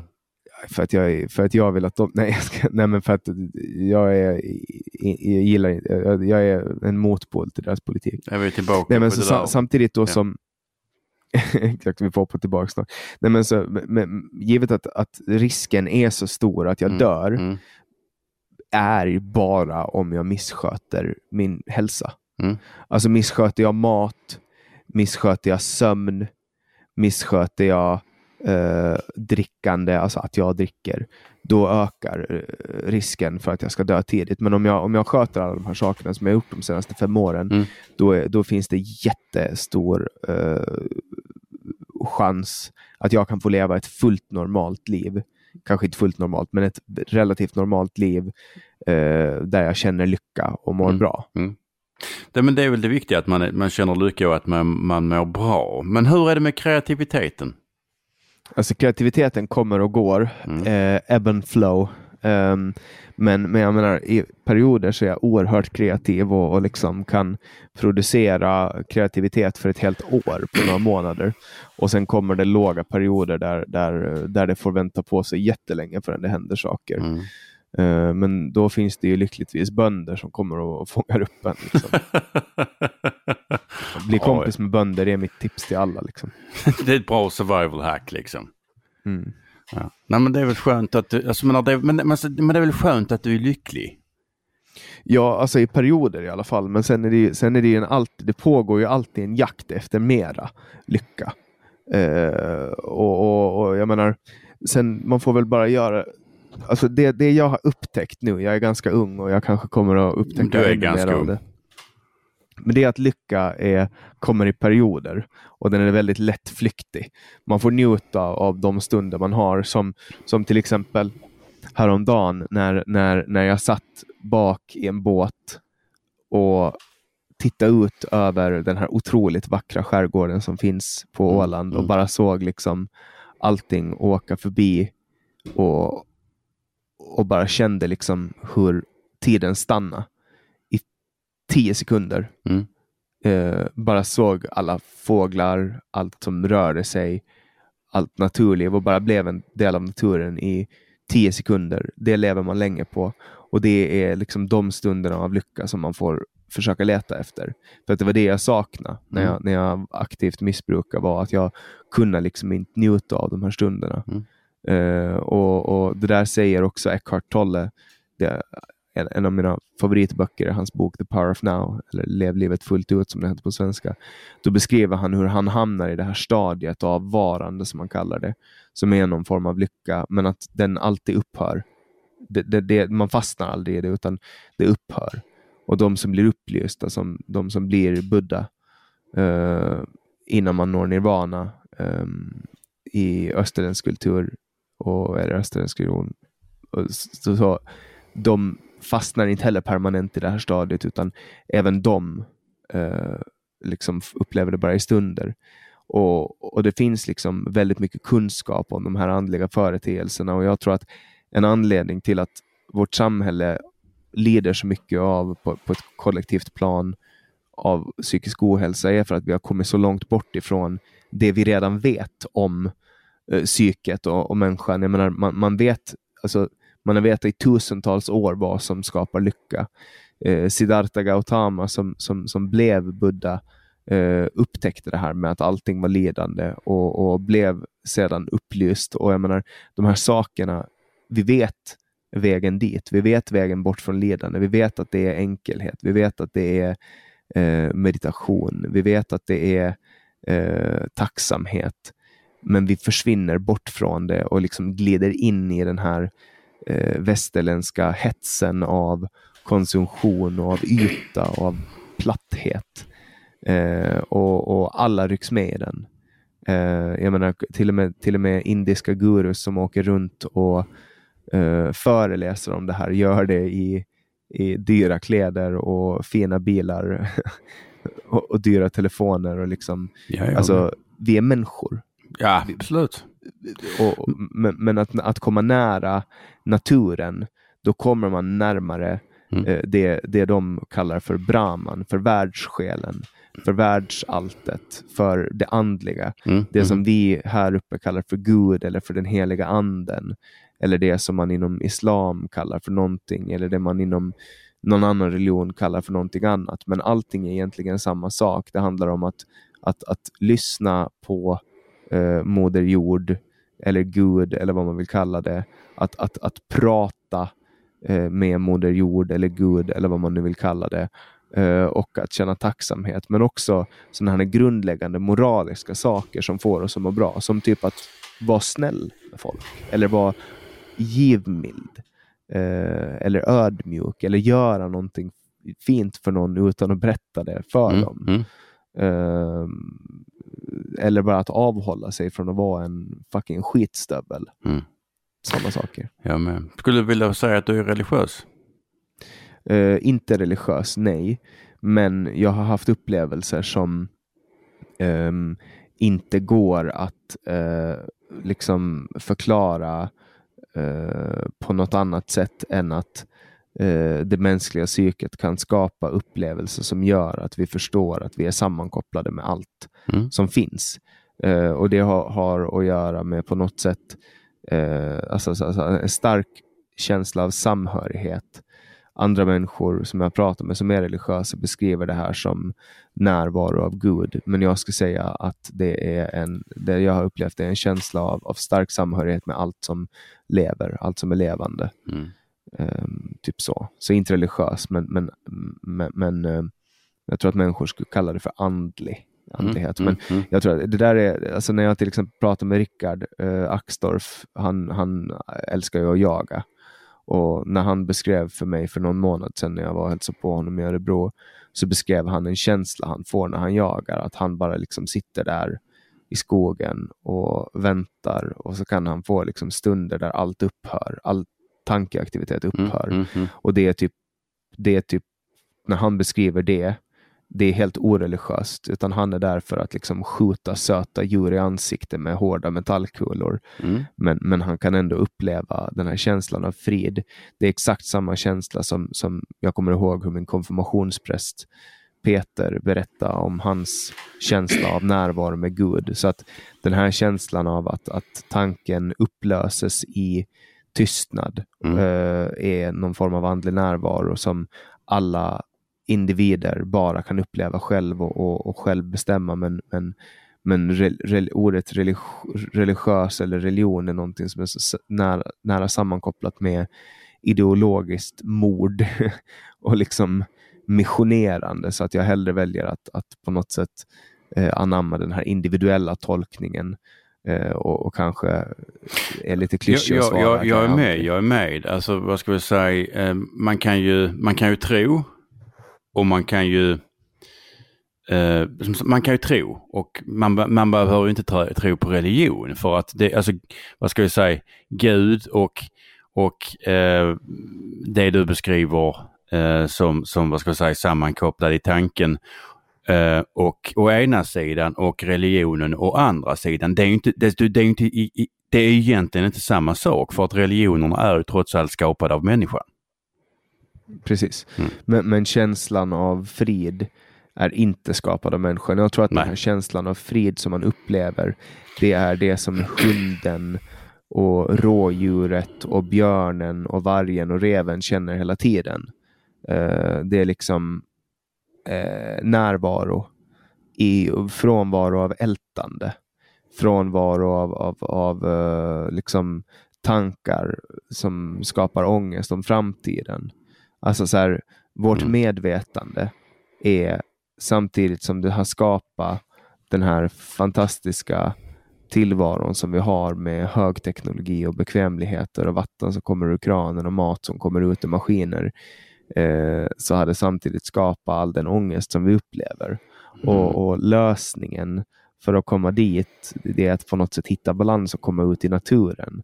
Och, och jag menar för att knyta ihop säcken om, om hur jag har liksom kommit till att bli det här naturliga som vi pratade om tidigare och vara nära naturen och hästar och djur och så vidare.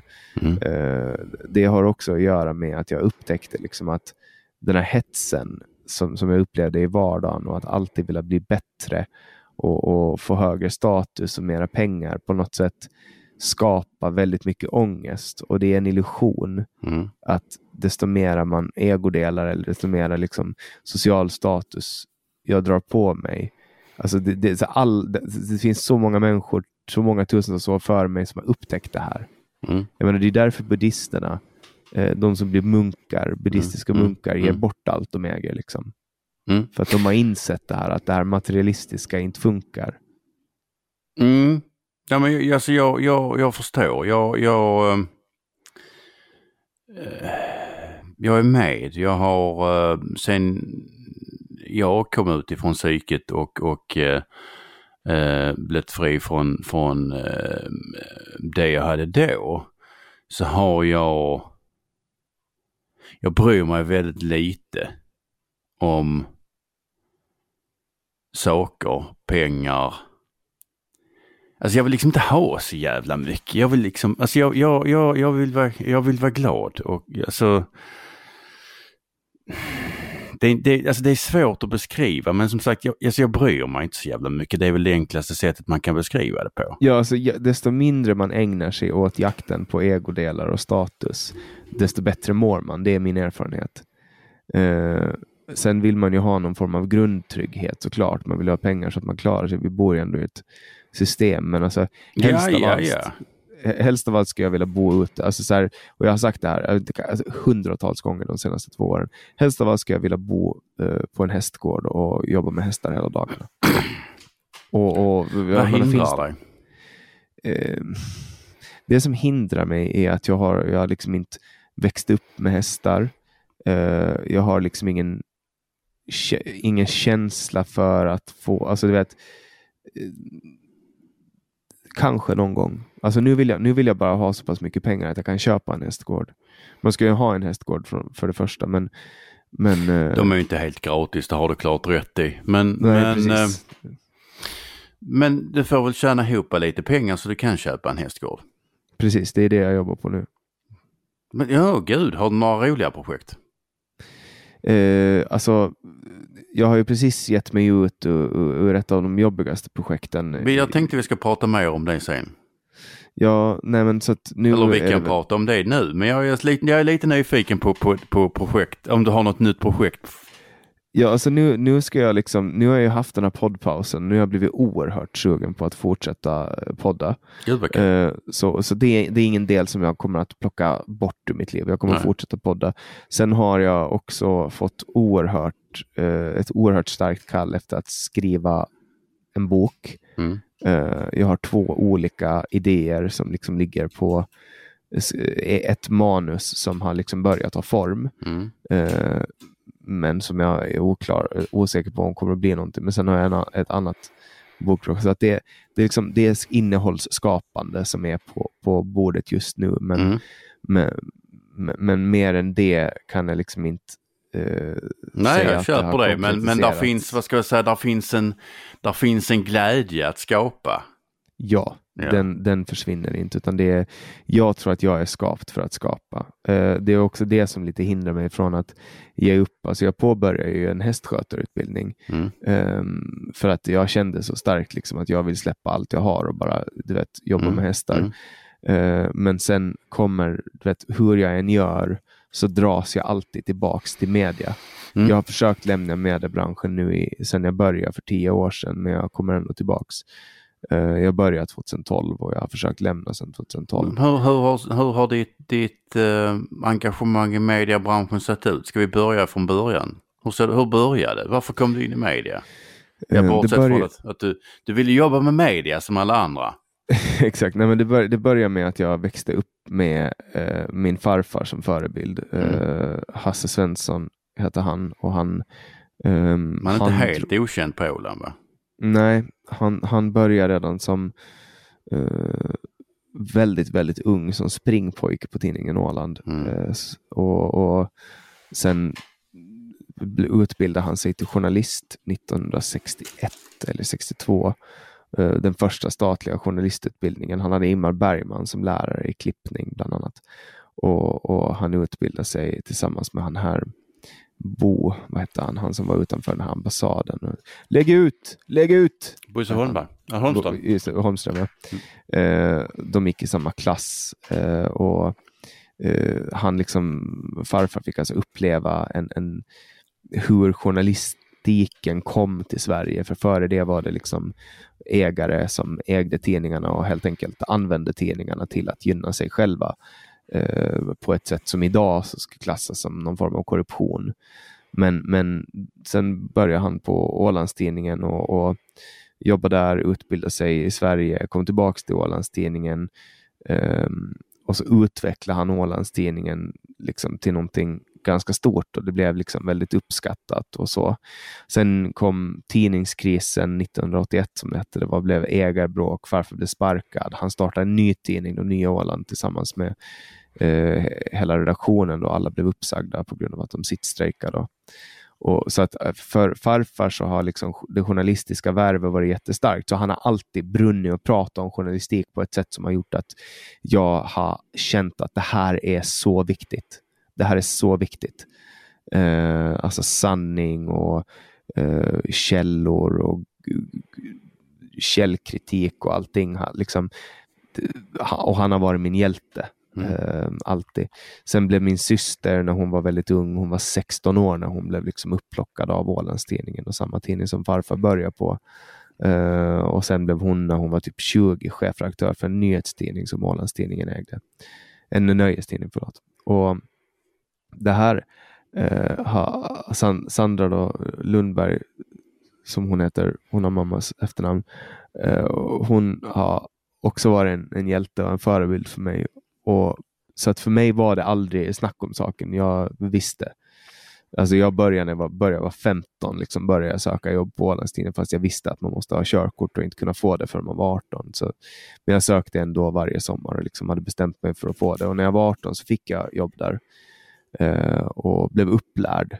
Eh, och efter, då, då gick jag liksom på gymnasiet, jag var miserabel, jag mådde skitdåligt, jag var, vägde typ 120 kilo när jag var 18 och allt var skitdåligt. Och sen eh, kom jag in och fick jobba på Ålandstidningen och bara insåg att fan, det här är livet. Liksom. Det här är det roligaste jag gjort i hela mitt liv. Jag fick vakna på morgonen, stiga upp och åka på jobb, eh, hade morgonmöte och fick veta vad jag skulle göra under dagen. Och ena dagen kunde jag sitta ute och intervjua en, en herre i 90-årsåldern som berättade om hur det var när bomberna slog ner i hans by.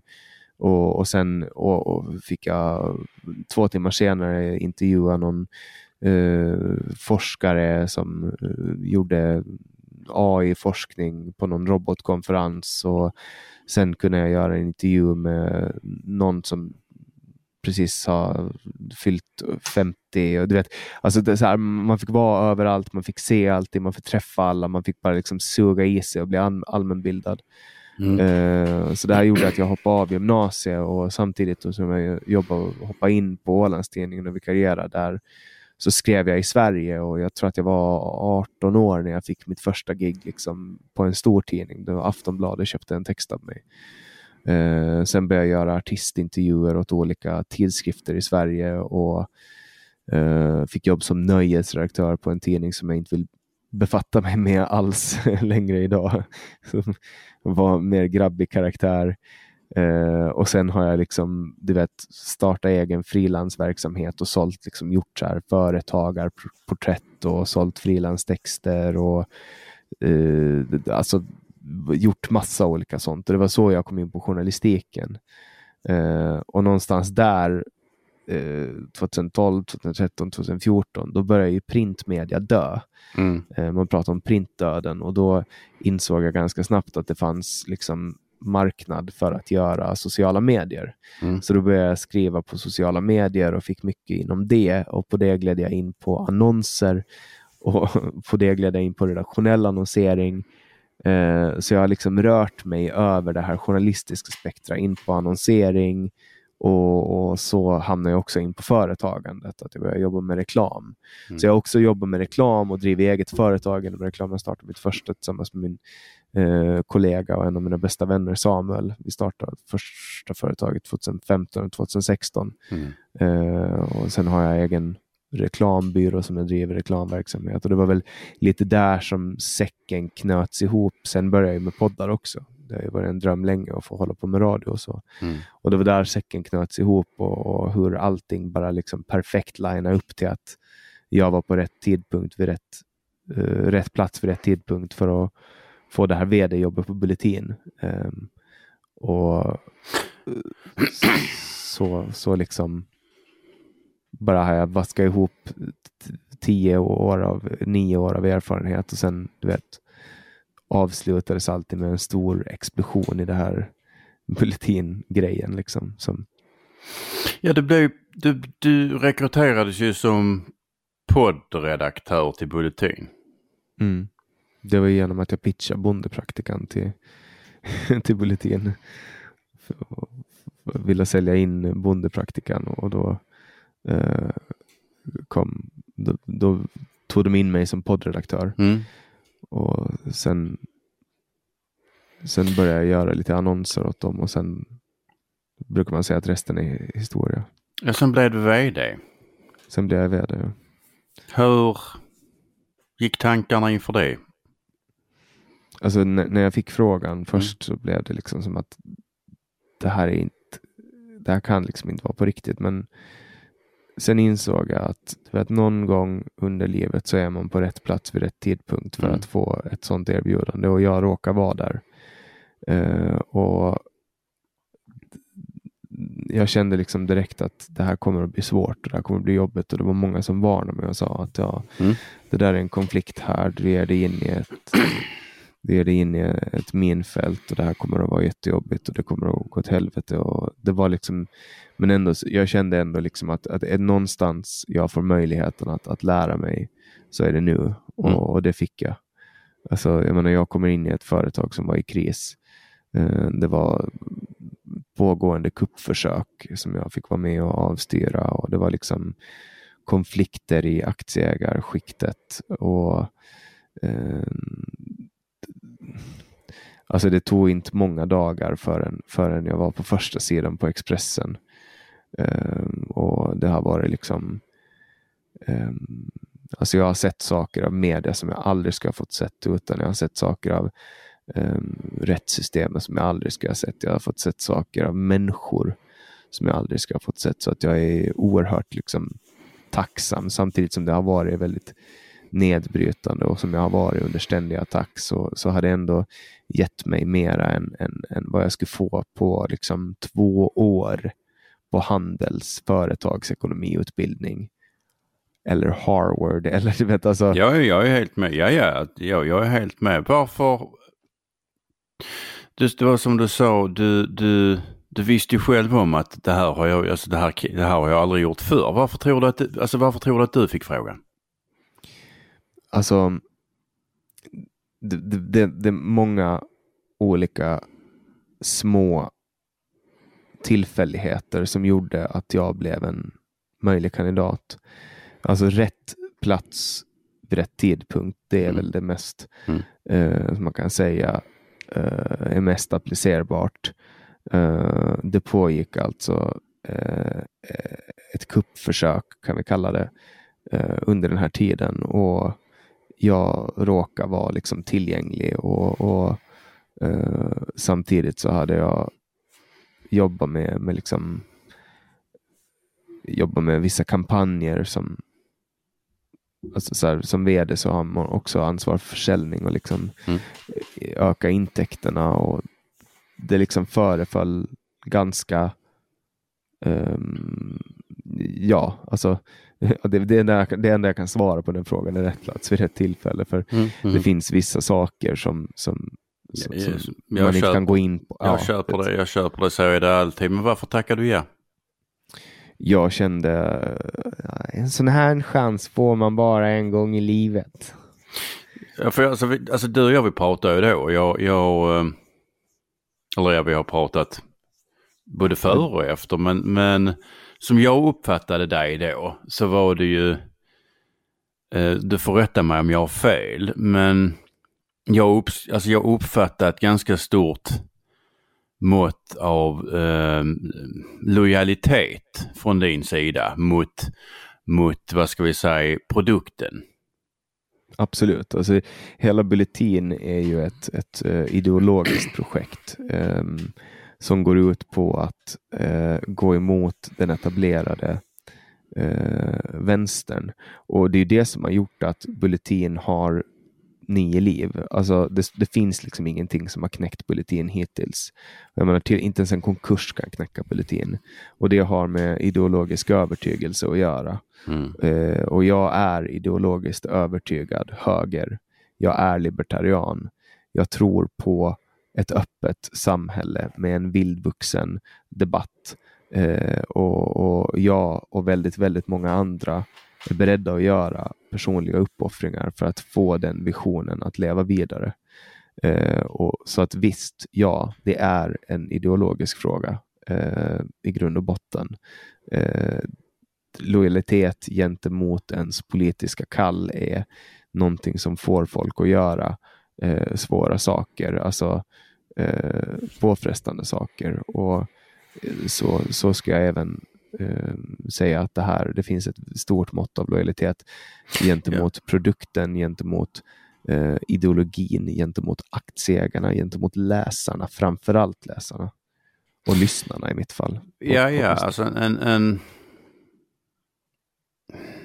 sett ifrån min horisont i alla fall, eh, objektiv, eller i alla fall objektiv bedömning är ju att du Alltså du, du, du, behövde, ju, du behövde nog framkalla ett väldigt stort mått av, av lojalitet mot, vad ska vi säga, mot produkten eller mot tidningen. Um, för det, det utifrån, som sagt, jag har inte, jag har inte, jag har inte koll på allt, men jag vet ju att vi har, jag menar, som sagt, jag har ju upplevt det som, eller fått bilden i alla fall, att du, du var ju tvungen att skydda, skydda, skydda politin både mot, mot eh, eller både från, både mot de anställda, som, eller delar av de anställda, skydda bulletin mot, mot sina ägare, eh, skydda bulletin mot, mot eh, alltså i stort sett allt möjligt. Ju. Det, har varit, det har varit ett flerfrontskrig, det mm, har det. Mm. Eh, och, och, det är på ett sätt så är det väldigt skönt att det är över. För att jag har tagit ganska stor skada av eh, alla konflikter. Eh, att vara i skottselden från media. Eh, att vara i skotteld från, från missnöjda aktieägare. Att vara i skotteld från missnöjda läsare. Att vara i skotteld från kompisar. Folk mm. som jag kallar som vänner som har mm. liksom kritiserat mig. Uh, och att, att alla människor går runt, eller inte alla, men många människor går runt och har åsikter om mitt jobb utan att ha vetskap om mitt jobb. Alltså det är mycket sånt som, som, som man ser. Liksom. Så att jag har tagit på ett personligt plan ganska stor skada och kommer att vara traumatiserad många år framöver. Eh, tror jag. Men, men jag menar, samtidigt har jag lärt mig så oerhört mycket så att eh, sist och slutligen tror jag nog att det kommer att visa sig att det har varit värt det. Men alla kontakter jag knutit, liksom, det eh, och, och, men att jag samtidigt upprätthöll poddandet under den här intensiva perioden. Jag har ingen aning om hur jag räckte till. Alltså. Jag uppfattar att du ofta eh, Alltså, alltså det, du tog väldigt hårt vid dig att, eller det, alltså du tog illa vid dig och du tog hårt på dig att, att uh, bli så dragen i skiten av några av dina journalistkollegor på andra tidningar. Alltså. Ja, alltså det där är också någonting som är liksom när man, får, när man själv, när, när, jag, när, jag, när jag började som journalist så hade jag Finlands journalistförbunds journalistregler bredvid sängen. Det är liksom en set av regler typ så 40 någonting regler om vem man är ansvarig inför, hur man ska bete sig i vissa situationer och hur man ska och så vidare. Mm, liksom det är mm. moralkod och yrkeshederskodex hur man ska bete sig. Eh, när man ser folk i branschen som totalt sätter undan allt det där, fingerar källor, eh, hittar på saker, använder fula metoder, använder utpressning, använder hot. Alltså när man ser det så, så får man liksom en sån här genuin olustkänsla och, och genuin ilska som bara växer. Uh, nu, nu har jag liksom haft ganska mycket tid att, att liksom inse, för att jag har gjort samma insikter om politiken. Um, och kommer antagligen att göra samma insikt i alla branscher jag någonsin kommer till. Jag, menar, jag jobbar mycket med reklam också och fått, fått liksom tacklas med det moraliska dilemmat av att jobba med, med kasinon, liksom, internetkasinon mm, mm, mm, mm. som, som skapar. Så att varje bransch jag någonsin har varit i så har jag alltid insett att den här branschen är ganska ful. Eh, Eh, på samma sätt som att jag, varje land jag någonsin har varit i så har jag insett att shit, den här nationen dricker ganska mycket. Så att, så att det där är någonting som, som jag kommer upptäcka överallt. Så om jag ger mig in i en ny bransch kommer jag antagligen att inse ungefär någonting liknande om den branschen. Um, men men jag, jag har gjort insikter om journalistiken som gör att, att jag å ena sidan vill ge upp och å andra sidan vill fortsätta kämpa. Uh, nu vet jag bara inte vilken av de två sidorna jag ska hänge mig till. Och där bara pausar vi lite efter, så vi, vi får klippa, eh, för jag behöver släppa ut min hund lite.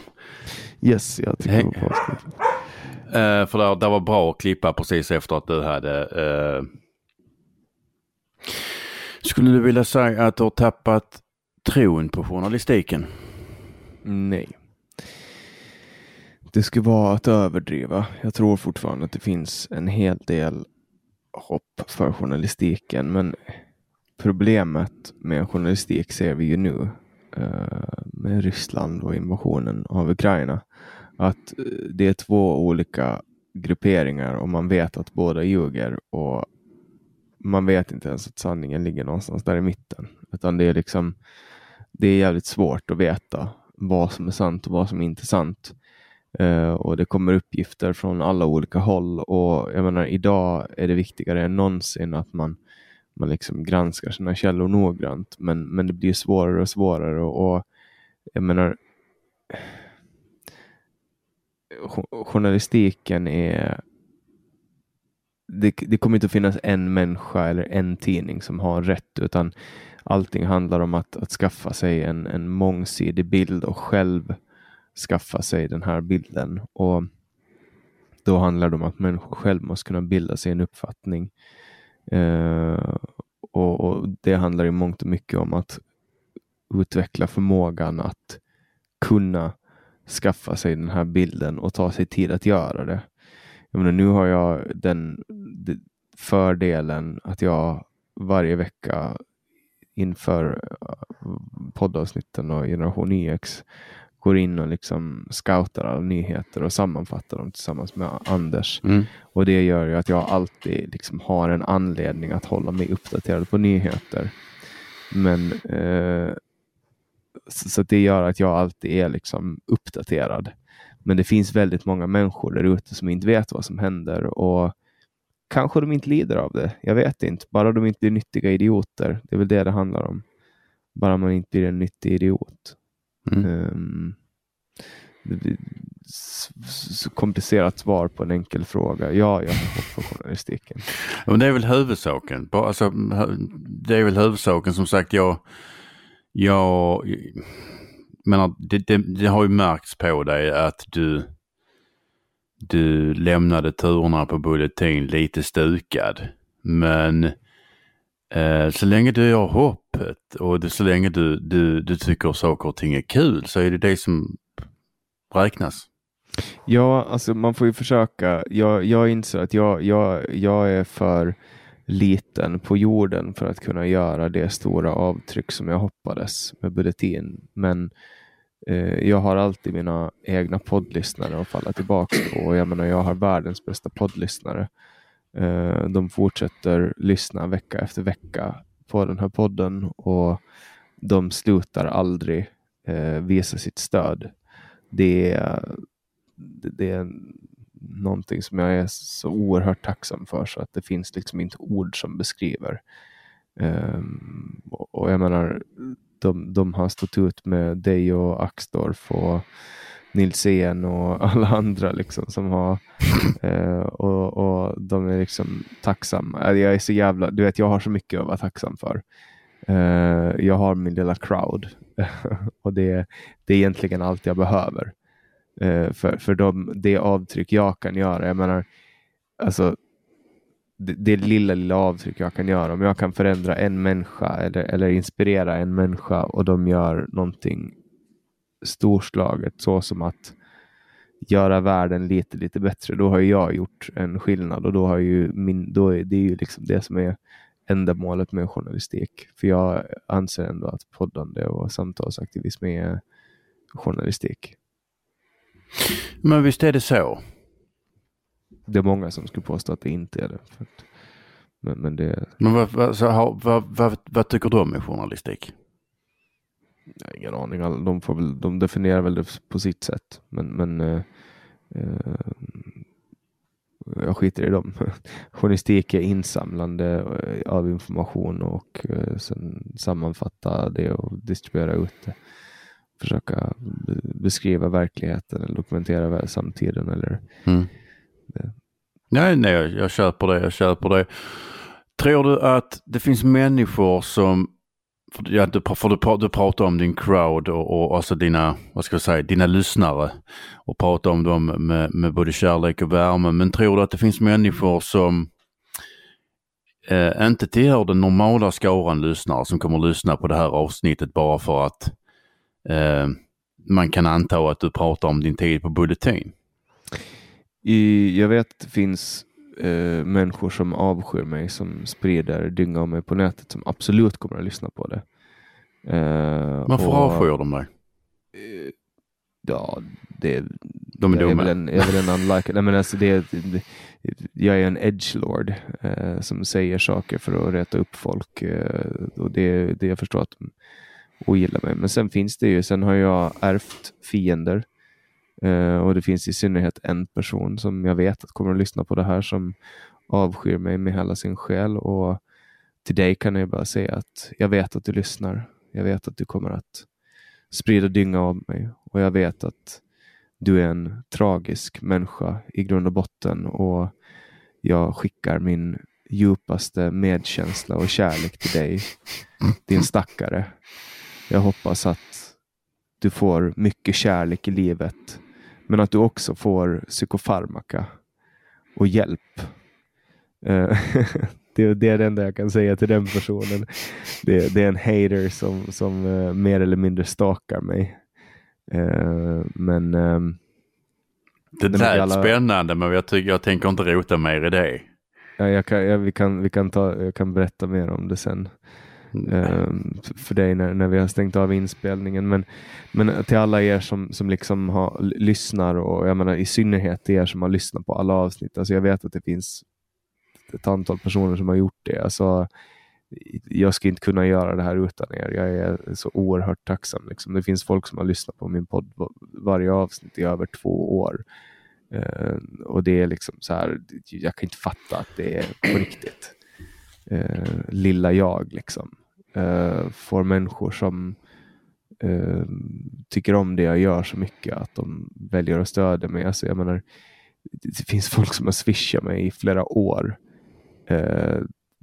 alltså, ja, du vet, den här poddpausen har gett mig tid att, att fundera. Mm. Eh, när, man, när folk börjar höra av sig och, och förklarar att de saknar. Alltså, så många lyssnar ju bara. Kanske sitter i bilen eller på bussen eller wherever de lyssnar. Och så är det envägskommunikation, men när man försvinner så, så liksom inleds eh, den här tvåvägskommunikationen. Att man, mm de hör av sig och bara berättar så men jag saknar dig. Eller jag tycker om det du gör och det är, det är trevligt att höra. Det är kul att höra. Liksom. För ofta så får man mest kritik. Eh, folk tycker mest, alltså, mm, mm. Det, det, är mycket lättare att, att skriva någonting när man är irriterad än, än när man uppskattar någonting.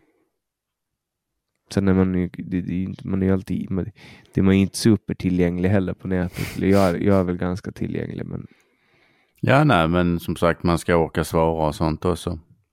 Men ska vi låta det här, alltså din hyllning till dina lyssnare få utgöra avslut och vår, vår, oss, eller våra vikariernas överlämning till dig så att du kan ta tillbaka din podd?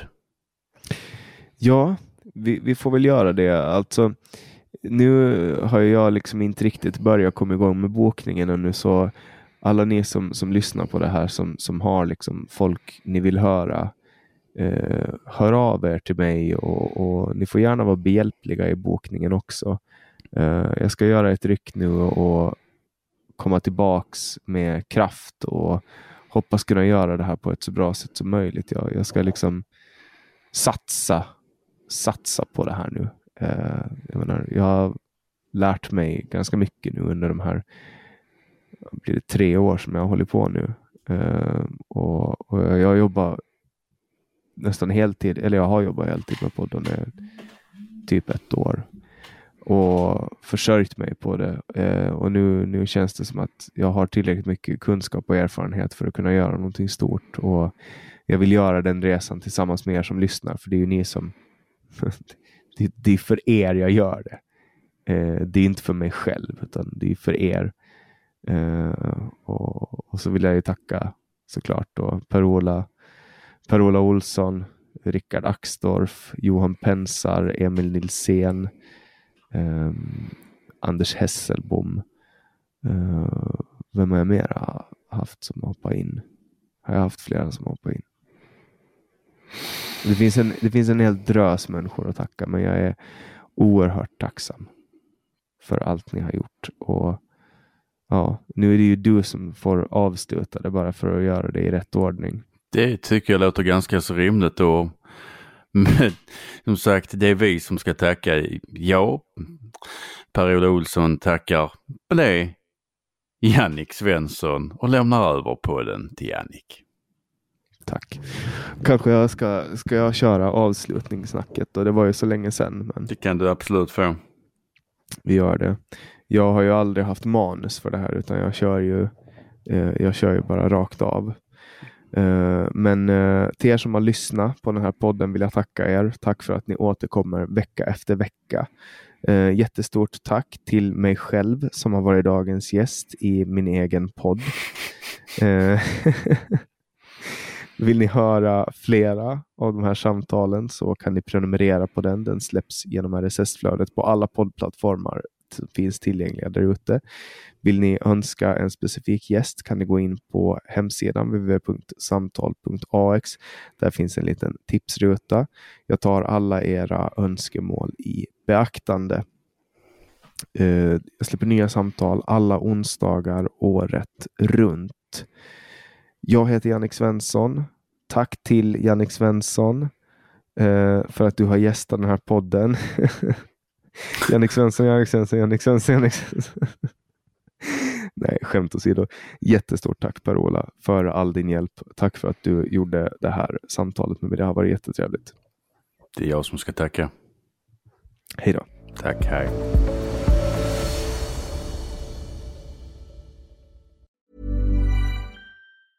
Even when we're on a budget, we still deserve nice things. Quince is a place to scoop up stunning high-end goods for 50 to 80% less than similar brands. They have buttery soft cashmere sweaters starting at $50, luxurious Italian leather bags, and so much more. Plus, Quince only works with factories that use safe, ethical, and responsible manufacturing. Get the high-end goods you'll love without the high price tag with Quince. Go to quince.com slash style for free shipping and 365-day returns.